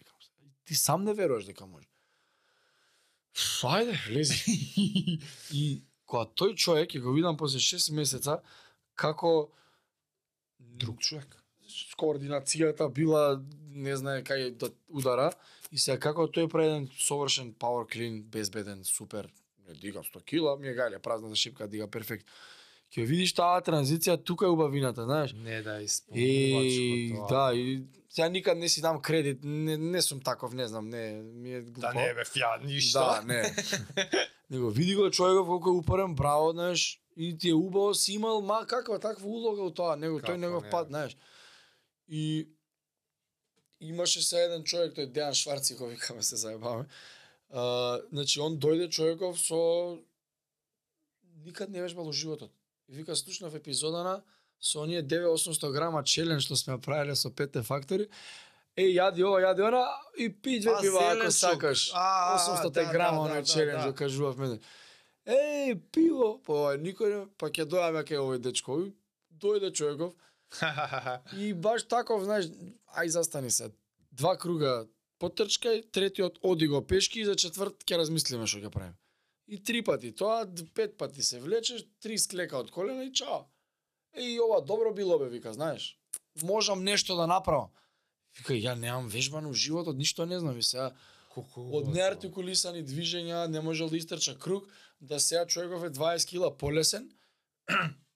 Е, Шварци, Шварци си се направил, разбираш, сега има и Да, коментари, да, и да, браво да. како ославе го, па Фит Гуру зема и он тоа, знаеш, се интересира се, луѓе му збореле и сега, знаеш, онаа фаза, кај што му се смееле, а бе, ти ќе вежбаш на 40 години ќе почнеш, па сега е у фаза кај што ослабел, сега е, а бе, да не ти е премногу.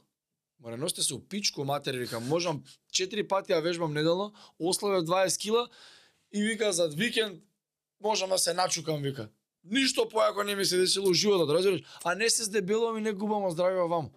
И он нашол убавење, секој ќе видиш, Некој ќе му мрчи да не ти е премногу. да не ти е премногу. Не му е премногу, вака треба да биде, знаеш? Да. Никад нема те Да. критикува некој подобар од тебе. Чисто така да ти А повтори го тој код. Никогаш нема да те хејта некој подобар од тебе. Некој што е подобар од Конструктивна тебе. критика да. и конструктивна критика. е подобар од тебе, нема. И сега кој ќе видиш тој паѓа, никогаш не ќе тоа да го оставам. Ја ми е убаво бе, ми, не ми е проблем да одам у сала Да. по 8 сати некој. Напорно е да. Вчера беше таков ден. Од 7 са бајле до 8 вечерта со 1 сат измеѓу. Добро, и е денес е друг ден. Полабаво е, попладнето не. е. Значи тој дел не ќе да го изгубам. Дали би се ослободил уште некој сат? Може би. А може би Како не. мислиш? Па ти од сабајле тренинзи да не ги давам, не сакам никој да ми ги води. А да се ослободиш, мислиш као помош уште еден Да, да коуч се да дое олава. да фати клас некој друг, Да. така, така. Мене ми е, ме јаде, јас не можам три дена да отсуствувам, да, да. што се деша у сала, знаеш, малце. Ма тоа ме вајде и финансиски исплатливо треба да стане. Да, да, така да. Сега апсолутно. тука бизнисменот у тебе треба да прерачуна. Да, па си земеш тренер, па јас за Бизнисменски, слободно да. време, па дали ќе си сплати, нема, па поубаво јас ќе ги тренирам тие часови, ќе има поише Па, пари. значи таму си сега негде, гледаш, па тоа ти е думицата, бизнисменска ти е. Сега ги, ги, ги, ги рачунаш бројките. Да. Што ќе ми купи лично време тука, бизнисот ќе има така. Ако платиме чистачка нема иđа, јас ако Да, нема да, смета. па чланериниве, луѓе, пиар, треба, не треба Така. да извадим уште една плата, тралала. Да, да, да, Па коучот треба да го најдеш, па дали е добар, па да нема платиш. потешка работа во Македонија. Да. Па треба да има еледен, па ти кај нас има некој стандард, сакаме да го задржат тоа, Молим лепо. да има тренерите, не Тука се сме пишале детален опис на некои основни движења. Саш да правиш или да станам на да маса. правиш wrap up? Не бе, ајде, кажи си. Детален Интересно. опис на некои основни движења. Ја мојот личен восхит за кросфит иницијално ми почна од а, еве се најде нешто што популаризираше олимписки кревања. Олимписко дигање на тегови. Олимписко дигање на тегови. Снечи клинен джок. Олимписко дигање на тегови ја имам гледано на Eurosport од 7 години. Сваќаш? Стварно? За, ама, ама јас сум Ја не сум ги ни разбирал пред кросот. ја не сум обични. Јас сум обседнат со спорт све живо и диво. Ако има Eurosport имам гледано карлинг, имам гледано еквестријан, Не, имам тоа ќе те пржев крлинг имаш гледано? Се имам га, бе, јас сум мрднат за спорт, јас сум ментален за спорт, сваќаш. Посебно што во по подоцнежните години, подоцнеж, виш, мис, таму више која навлагам атлетики и репрезентации, имам олимписки соништа.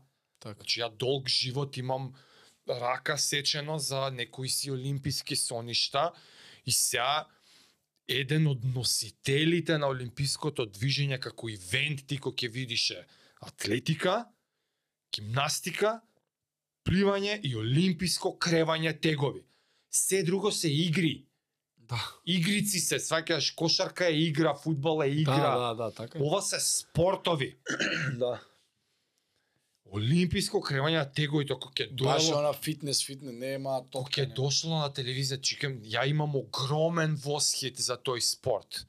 Ама за мене, дури, упатен сум бил, сум читал, сум барал да сум знаел руска школа што е, сум знаел бугарска школа што е, сваќаш и тоа за мене било одбраби, о- одбрани индивидуи на целата планета се занимаваат со ова.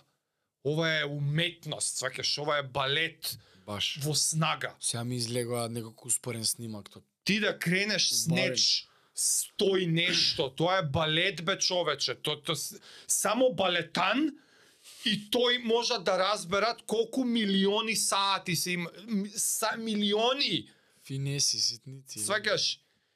И доаѓа кросфит, почнува да популаризира олимписко кревање tego и ти на, на everyday човек да му го доближиш олимпиското кревање, тоа за мене било јао човече. Свака част. И тука ја од day one имав одма се карав со луѓе, у глава се карав, затоа што ги слушам на YouTube као мрчат. Не, тоа е пресложено, тоа премногу, ќе повредиш, вака, онака. I don't care. Нека се повреди, what the fuck, што иначе друго ќе прави у живот, што ако повреди лакт? Деде. ако ако е по цена за еден човек да се повреди, ама милион луѓе да почнат снечови да прават, ако е ако е за ако е тоа цената, те ја молам. платиме, се Ако, ако тоа е мојот прв уште пред уопште да знам дека кросфит има еден куп други ствари. Тоа ми било фала Богу. Ја прв пат кога решив, by the way, многу години пред да дојдам. Ја јас си кажав, си кажав у животот, ја некојаш ќе идам на кросфит за да правам олимписки движења. Тоа беше многу години пред екчуали да доам. И конечно ти викам мене тоа ми беше прва восхит и сега за тоа изгледа сум го пишал као прашање. Ај не на сите, ама дај олимпискиот и ти си by the way и national champion во Olympic weightlifting. Замисли. Не ми го дисмисувај. Не ми Еве ти еве ти еве ти апла аргумент зашто не треба да го дисмисуваш. Го објаснуваше кога дое првиот пат кога ми дое на подкаст, така? Не ни постоело. Спортот олимписко кревање тегови у Македонија не постои. Се појавува.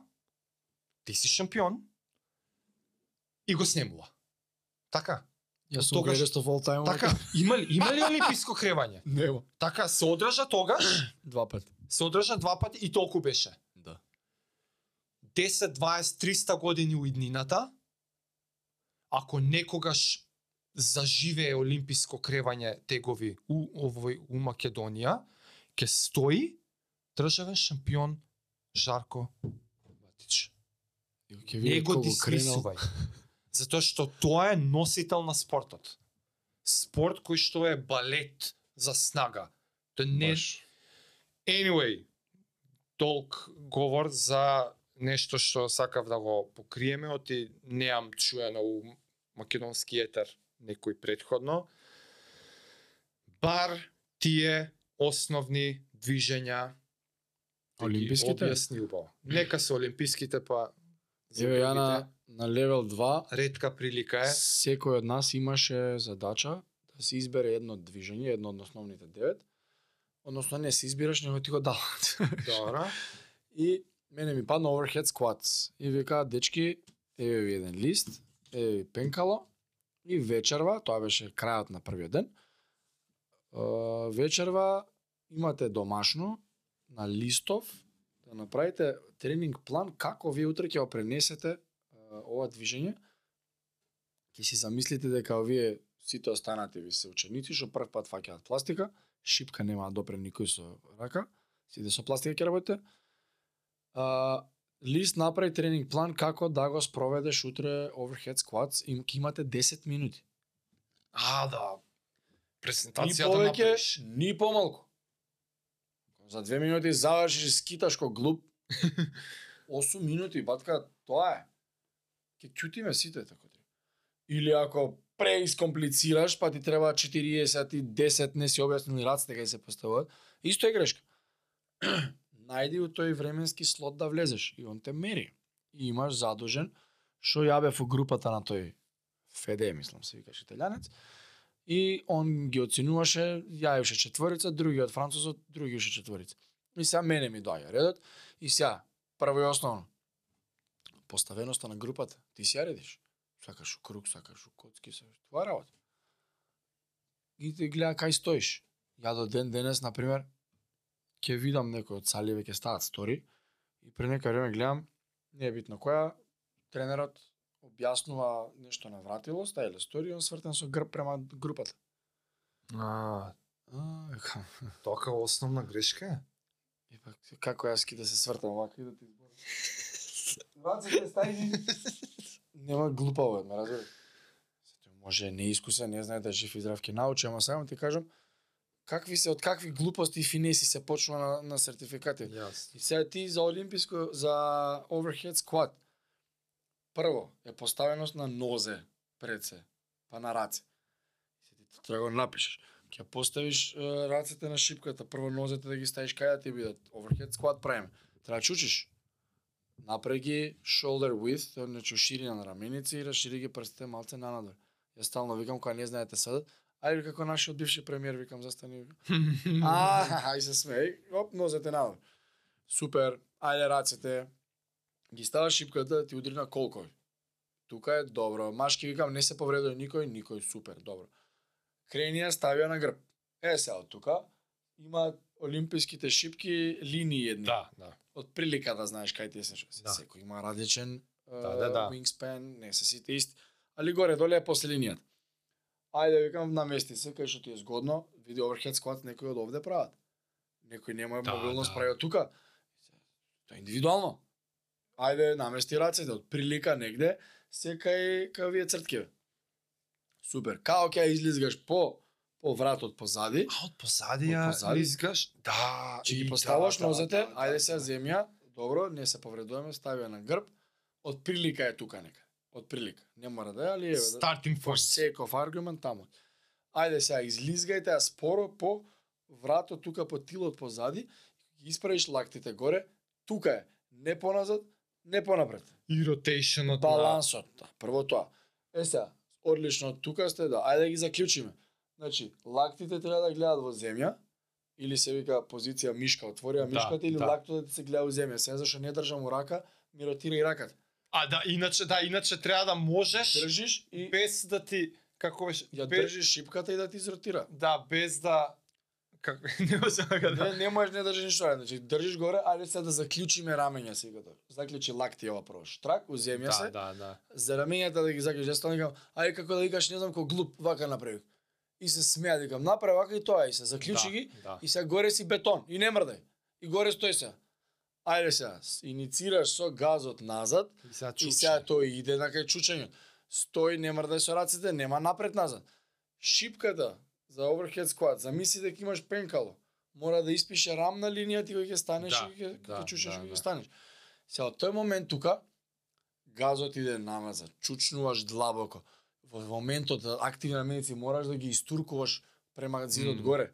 Ги истуркуваш. тука флексибилити. Тоа е флексибилност. Координација, Аме, дали ќе аме. чучнеш, можеш, не можеш. Ајде на назад, иде, иде, иде, чучни длабоко, застани тука, добар ли си долна позиција, активни се да, добро, ба, стани. Некој не може вака надоле. Испре рамењата, гради напред, еј ме боли рацете, искоригирај ги. И сега ти, кога го предаваш движењето со група, тие сите се тренери, некои се собственици на боксу у Холандија, у Белгија, И? и ти, и ти ги коригираш. Батки некој. А, и ние ги коригираш. Ти- ти- тренерите ми ги себе, сме си Да, групата. да, да, да, да. И сега 10 други тренери, ајде, зимајте сите пластики. И, знаеш, презен се даде ти едно од тие и тоа е. Мора да контролираш собата. Да. Како ти ќе Ајде сега шипки земи кој сака. И тој си прави со него. Па добре бе да почнеме, тој не слуша. Чекај бе почнача, не, не, не може така. Ајде сите застани се ти, ти се тренери, ја ќе им свирнам на тие. Ќе се сврта чудно, ај одма внимание бе. Ајде пластики брзо. Мести се у круг сите. Ајде напред си вие двајца места. Второ мора името да го знаеш на секој. Да. Леле. Слушај, батка, еј ти, шефе, дечко, друже, како брат, што да му кажа? Се на на ова уште позаебано ше мињата ги пишува. И сега јас со наочари вака е два и му го дочитувам. А, Е, не знам како имаше Да, една од Холандија, не А. не ми текне како се вика. Се изговара Томе, се пишува Джахмах. И тоа ти вика, зашо името него кај па не го читав, па снајди се вика, изнеди агол, импровизира, од каде да знам. Најди име. Најди начин Дај надимак. или надимак. Да. Sorry, блам, направи смешка вика. Да, бе, да. Ако не мора, презен се даде ти тоа. е. Друго е како ќе ги коригираш. Дали се гради тој земја горе, супер, длабоко ли е тој доволно? Не, како кој е кјуто да му го даеш?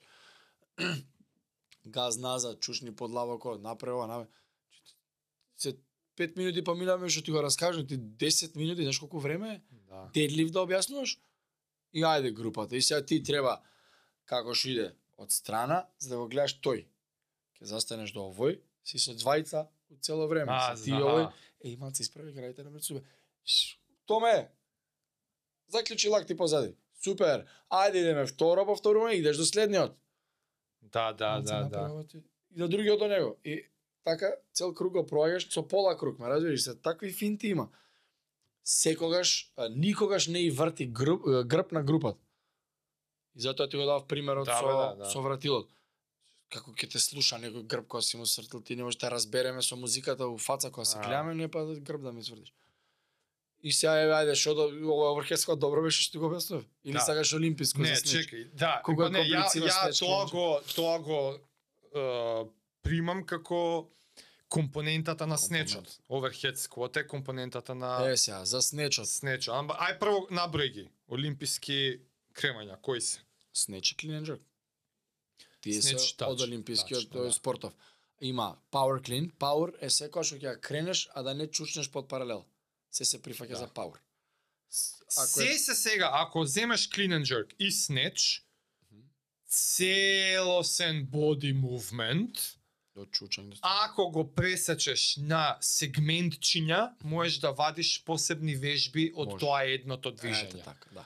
од снечот сега ти го извади оверхед сквотот. Да, само чучање. Така, ама у снечот имаш и некој, не знам, wide uh, deadlift, имаш у клин, имаш... Е па тие снеж дедлив се Е, техника не ме за... интересира. Тие ти така, нек си доат луѓе на кросфит, нек си... Ама јас сакам теориски само за некој што врска нема што е олимписко кремање, дека се тие двете движења, објасни ги clean and jerk и snatch и толку.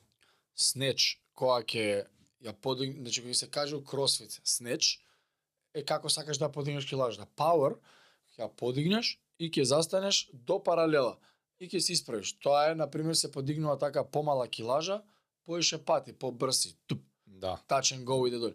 Hang power clean или Не ги снеч. кажуве компонентите. Е, не, не, не, hang е од висечка позиција.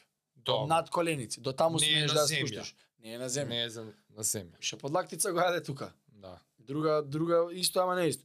А, Power е кој ќе нема да ја чушнеш, снеч е кој ќе ја повлечеш, значи squat снеч, ајде кој е потенцирано, мораш да ја чушнеш, иначе не се прифаќа. Снеч како снеч е, значи тргнуваш ти доле, грајте ти се напред, секогаш газот ти е залепен, рацете ти се наместени тука во заклучени и се ти си бетон и широк е фатот. Шипка на Шипката земја. е на земја, тегови X има лупам, ајде. Нека пази зашто 100 интерес, ти ги знакаш а сите тие овој сите тие а, поединечни компоненти, ама убавината на снечот зашто е олимписка дисциплина, е сега кога ќе ја направиш, сите тие претходни што ги кажа треба да ги направиш. И тоа да биде до perfect sync, Да. перфектна синхронизација, кај што не треба да мањка касни порани едно после друго пред да не сме. Се ти тргнуваш од доле. зашто не може да е power snatch дека ако стркриваш сериозна килажа, Не, нема да power да, snatch, не. мора да ја пречекаш. Има еден прозорец кој ќе дојде тежината која е безтежинска. Сега ќе дојдеме и до тој. Сега ти треба од доле грајтите се напред, заклученици лактите позади. Сега тргнуваш. Начинот на тргување.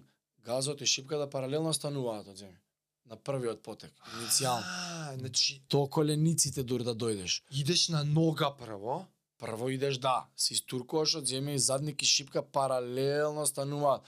Најчеста грешка е катапулт со гзот прво, па и шипката после на грб да ја и кренеш. све на кичма отиде. И затоа ти почнеш од овде, граѓаните ти гледат право, ти гледаш право, вака си. Сега како тргнува возот, шипката и, и по, по колена, цело време се допираш. Значи, Да, цело да. време имаш контакт со шинс. Затоа ставаат оние стегачи на Да, бе, на или чорапа или чорапа, високо за може се крената, гребе, да. ја до ден денес илјада лузни имам на нозете. од Да, да, крв. сите се тие крвишта, да. да. Пепел. Джабе и чорапи. Джабе, да. Да, да. Таман зараснала ја откорнуваш Да, пак, да, да. ајде крв цело време. Се ти лизга таа по по по цеваници. По коска? Како да да буквално.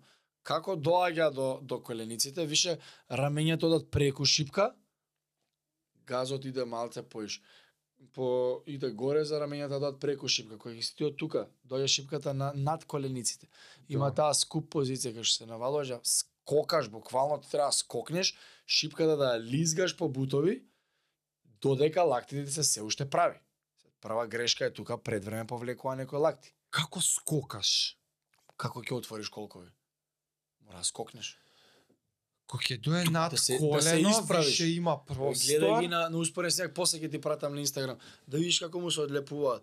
Ја на левел 2 му Значи он тој скокнува истото го праша како видеш. чучнат да е. Не, Чучнат скокнува или пробува после да тргне да скокне. Па, Да. Кога се исправиш горе, што ти кога ќе скокнеш мораш да се исправиш вака да си прав. Не може она да не се да отвориш до крај, да цимнеш Ама- минимално.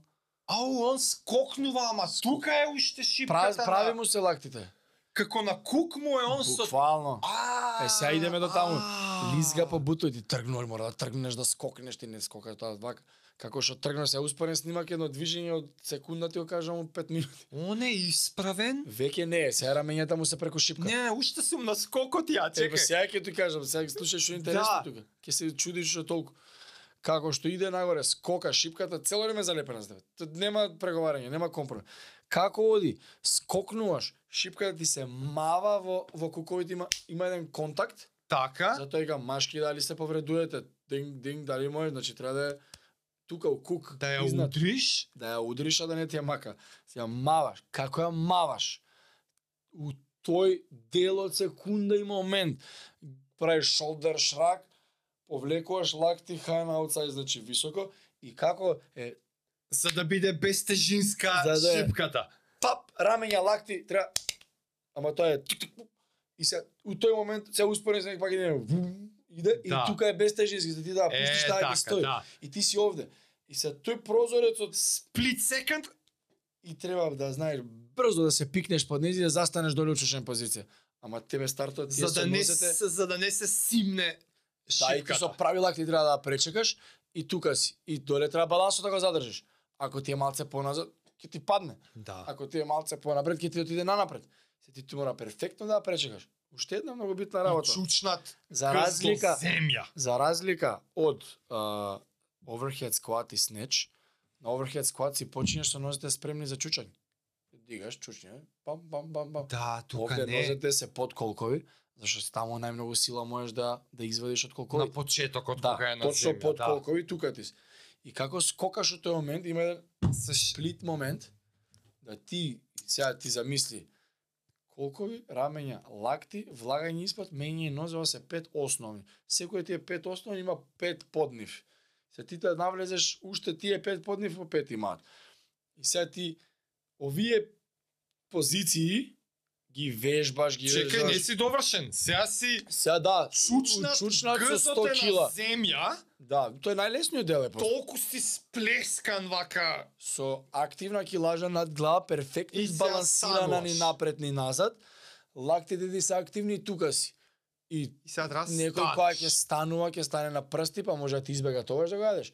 Некој не може да стане, па му избегале рамењата, не му да Сега држале. поново идеш пак, ајде. Сега доле и се стануваш. Ајде, активација, гъс, кук, кичма, Стани колено. буквално. Тоа не е толку комплицирано станувањето. А, не се бај како не е, човеч. Ти ако си стигнал до момент да влезеш, да влезеш под шипка у чушање, да станеш не ти е страшно. Најлесниот дел, е сега, најлесниот дел кога сигурно ќе станеш, ама има момент, се некој брза за да го направи ќе, ја застани бе секунда доле. Има поз, snatch. Uh, pause in the squat position една до 3 секунди, например. Аха. И се ти си бум. А да и, паузираш. и учучен си доле. Добро. Најди го. Три, е го баланс. Уоп, и стануваш. да, да. Некој брза ти се, знаеш колку финеси се тоа човече, тоа крај нема. И пази сега чека за долу. Кога гледаш на Олимпијада тоа, кога го прават, е секунда макс. Секу... Да, овие 100 Секунди. минути. Ос- Сите овие милион работи се во реално време една секунда. Еве пуш. И за тоа ја го кажувам Преимпресивно. Дека Спорен снимак нема поубаво нешто да гледаш. Микроскопски прецизно мора да биде изведено од иначе отиде рамо, отиде кичма, отиде глава, отиде колено, отиде кок, отиде све. И А да, да не не отиде ќе биде failed lift. Што ќе што ки лажи се тоа? 200, мажите 180, 170, зависи од килажа. Они која? секунда, таква синхронизација на максимална снага, мене тоа ме импресионира.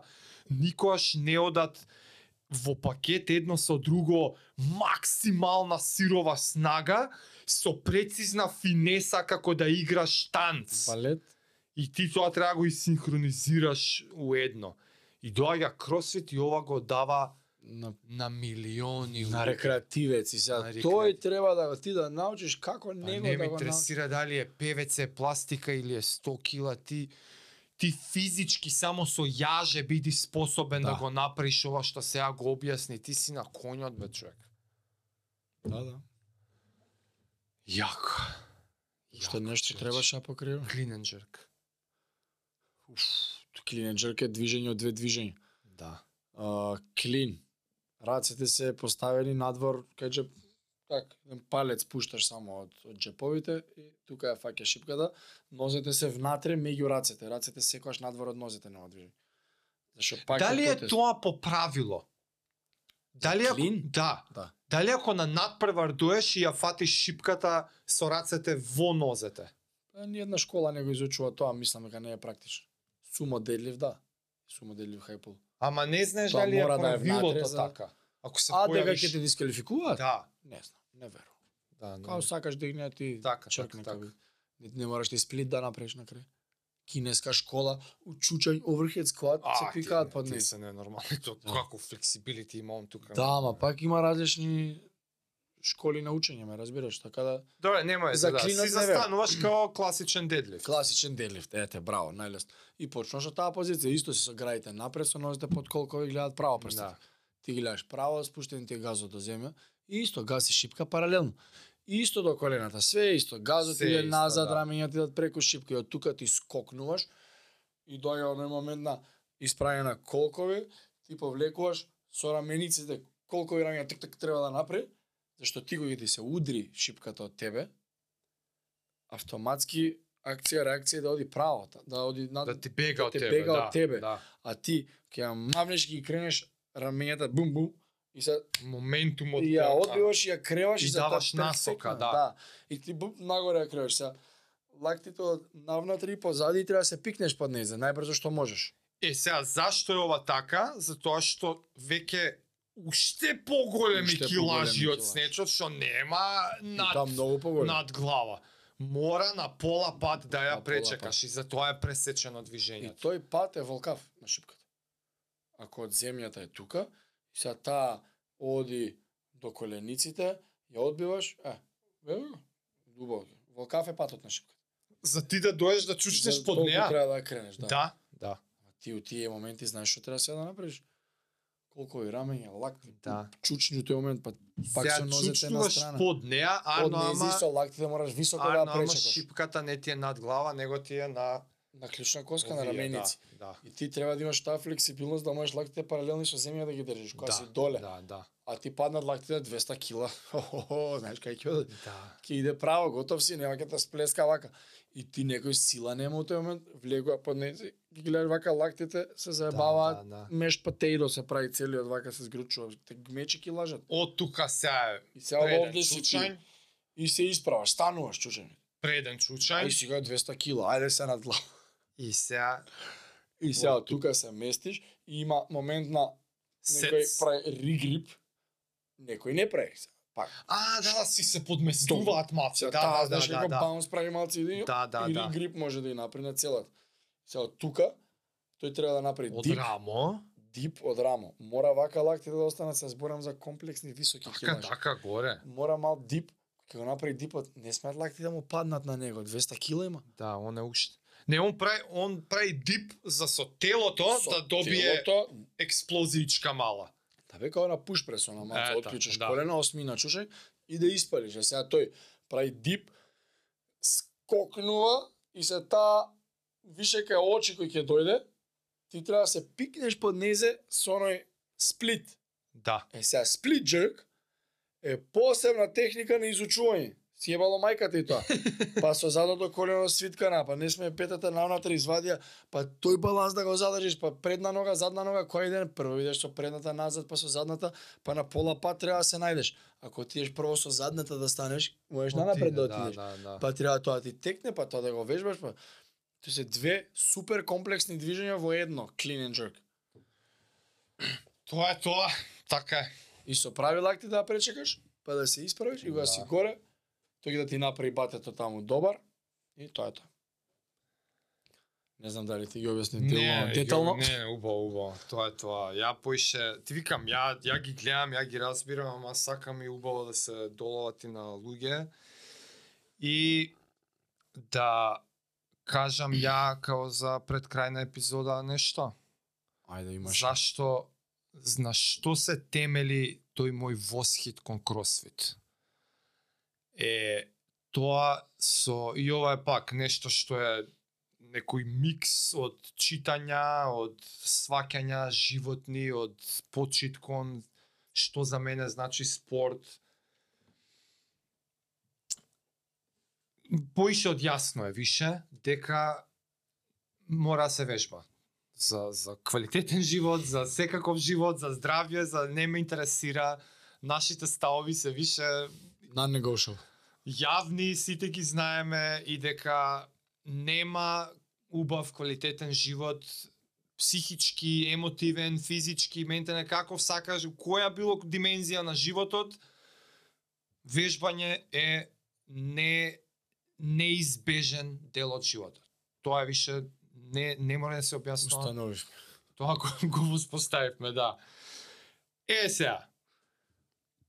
Што како ќе се вежба, има два аспекти што нема или или.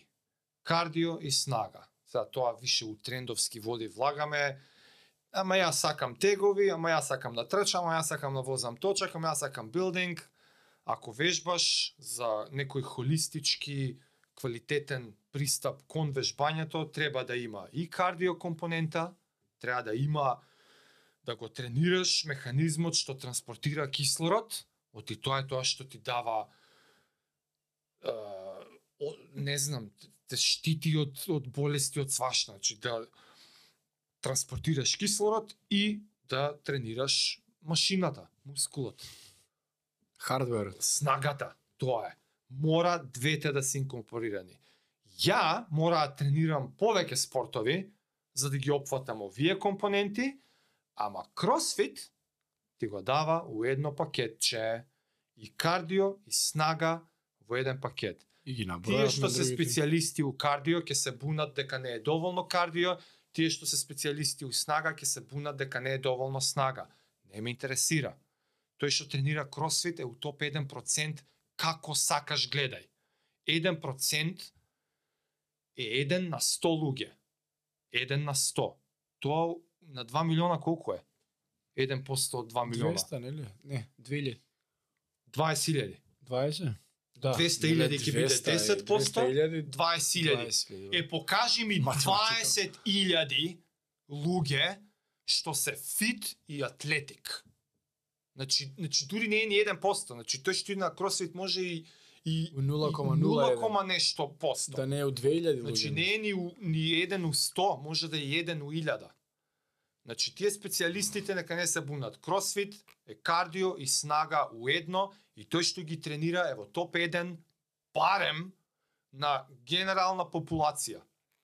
Зошто ова толку многу секоја епизода го баам? Затоа што не да чујам ама мене не ама ама може и другачие, не може другачие. Ја кога гледам фит и атлетски атлетска личност, фит и атлетска личност, маш или жена, не ме интересира, знаете на што мислам. Атлетски граден, зрачи од него снага. Тоа не е физичка работа. Никој не паѓа од небо фит и атлетски Да, граден. да. Никој не искача од раѓање фит и атлетски граден. Не. Кога ќе видам ја фит и атлетски градена личност, тоа значи конзистентност. Тоа значи дисциплина. Тоа значи delayed gratification. Ова се карактерни особини бе луѓе. Така.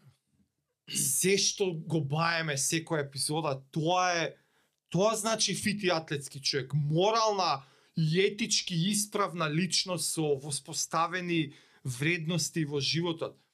Тој понатака истите карактерни особини ги применува и у живот.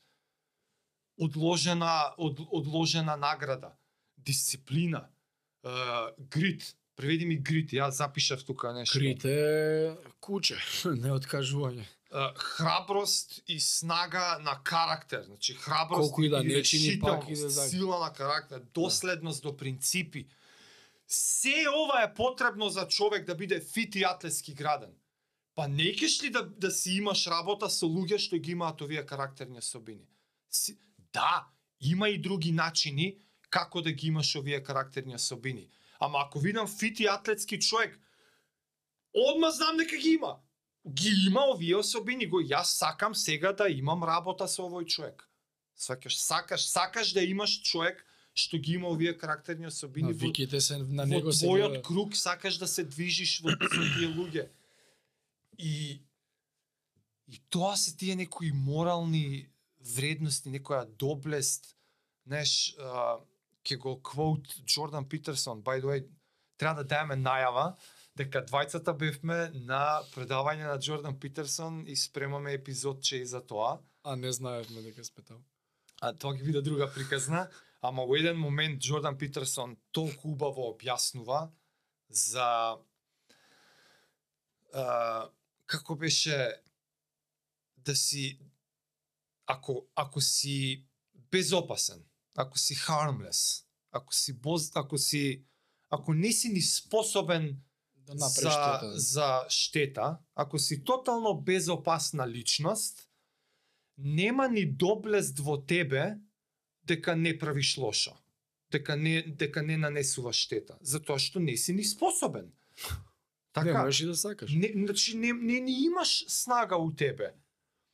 Ама ако си способен за за за физичка снага, за за експресија на моќност, а ја контролираш, тоа е морална вредност на доблест и храброст.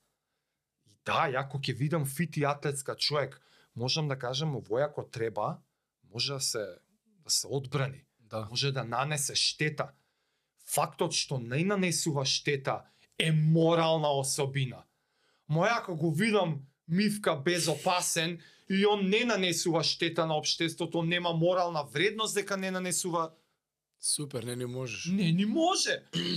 Ама човек што може, а ја контролира, исто заради точно оваа причина имам и огромна восхит за боречки вештини. Да. Тоа се луѓе способни да нанесат И штета, тоа сериозна штета. ама дел од карактерната особина е да ја контролираш таа снага у себе. Треба да си способен за неа, да ја контролираш и тогаш ќе имаш моралната вредност и доблест дека ја контролирам тоа. И како беше оно, подобро да си воин во градина него градинар во А воин? така. И цело во ова инсистирање на детаљиве на кросфит, на важноста на спортувањето, на цела оваа, кажи речи, 3 сата епизода, е дека многу длабоко, бар за мене, верувам и за тебе, значат овие работи. Не е само е, можам да кренам, убаво изгледаме и видиме на бицепси, сега ќе се цепам. Не, карактерна вредност има што влече после тоа у животот и сакаш да имаш народ што е таков. Сакаш таков народ да имаш, не кеш да имаш народ што што не е способен. Нивки. Сега ќе направам пинк, идете гледайте сега хардкор менталити епизодата со Со Нино. со Нино. Сакаме да имаме нација полна со ваков народ, за тоа сите треба да вежбаме. Тоа е тоа. Ти ако ти е твоја епизод така да ти дај си рекеп, ти дај си е, не знам како сакаш да ја завршиш. Е, Покрај физичкиот дел и ова што наброја, многу голема помош и испомош е она ментална снага што гради. Тие сами со себе муабети приказни што си ги што ги зборевме дека се дешаваат, е точно се во вежба. Да. Тие прилики за напредување од мајнсет епизод. Значи точно третиот сет не си ни вамо, не си ни таму. Не си на почеток, не си на крај, а ти е тешко. Сега Грит. Тука у моментот треба да го осознаеш и да го познаеш тој момент и да кажеш слушај сум бил 2000 пати оваа ситуација. Знам дека третиот сет е најгаден, само треба да го изгорам. Се колку пати јас сум ги применил овие а, како да ги не филозофии, смешно да кажам не е филозофија, него кога ми е мака нешто кога треба да направам, не поврзано со спорт, него обврска или Така да. нешто, небитно. Еве го третиот сет вежба. Така си кажуваш? Да, ти текнува дека на епизодата со постот, кога кажа дека глад да, тата обзима, Да, да, да. несвесно ја правам таму таа компарација, значи како трета како трети сет во вежба да си. Да. Така ти е тешко.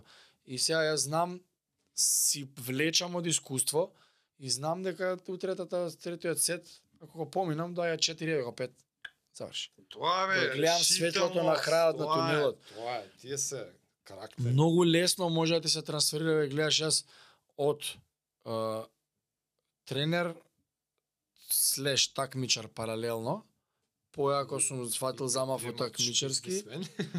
Добро, епа сакам да кажам како следува едно со друго. Навиките од напорно вежбање, од одрекување од многу работи, јас сум имал на роден ден неке другари, со вода сум бил, со роса до пет бајле сум седел со нив, ама роса сум пил. Се знаеле они дека јас се спремам да испочитувам одам до пет бајле еден викенд, ама на вода сум. Да. Ој, викам, зашто луѓе од нагло глупи стануваат, леле пијат, викам, ја не пијам. Е, Трезен со пијаници не е убаво да седиш, разбираш, Да, со да, пијани да. луѓе. И сум се одрекувал од некои такви работи, на битни, на блиски другари, битни родендени, на деца, на ова, сум не сум пил. Нема бе, дечко, крај.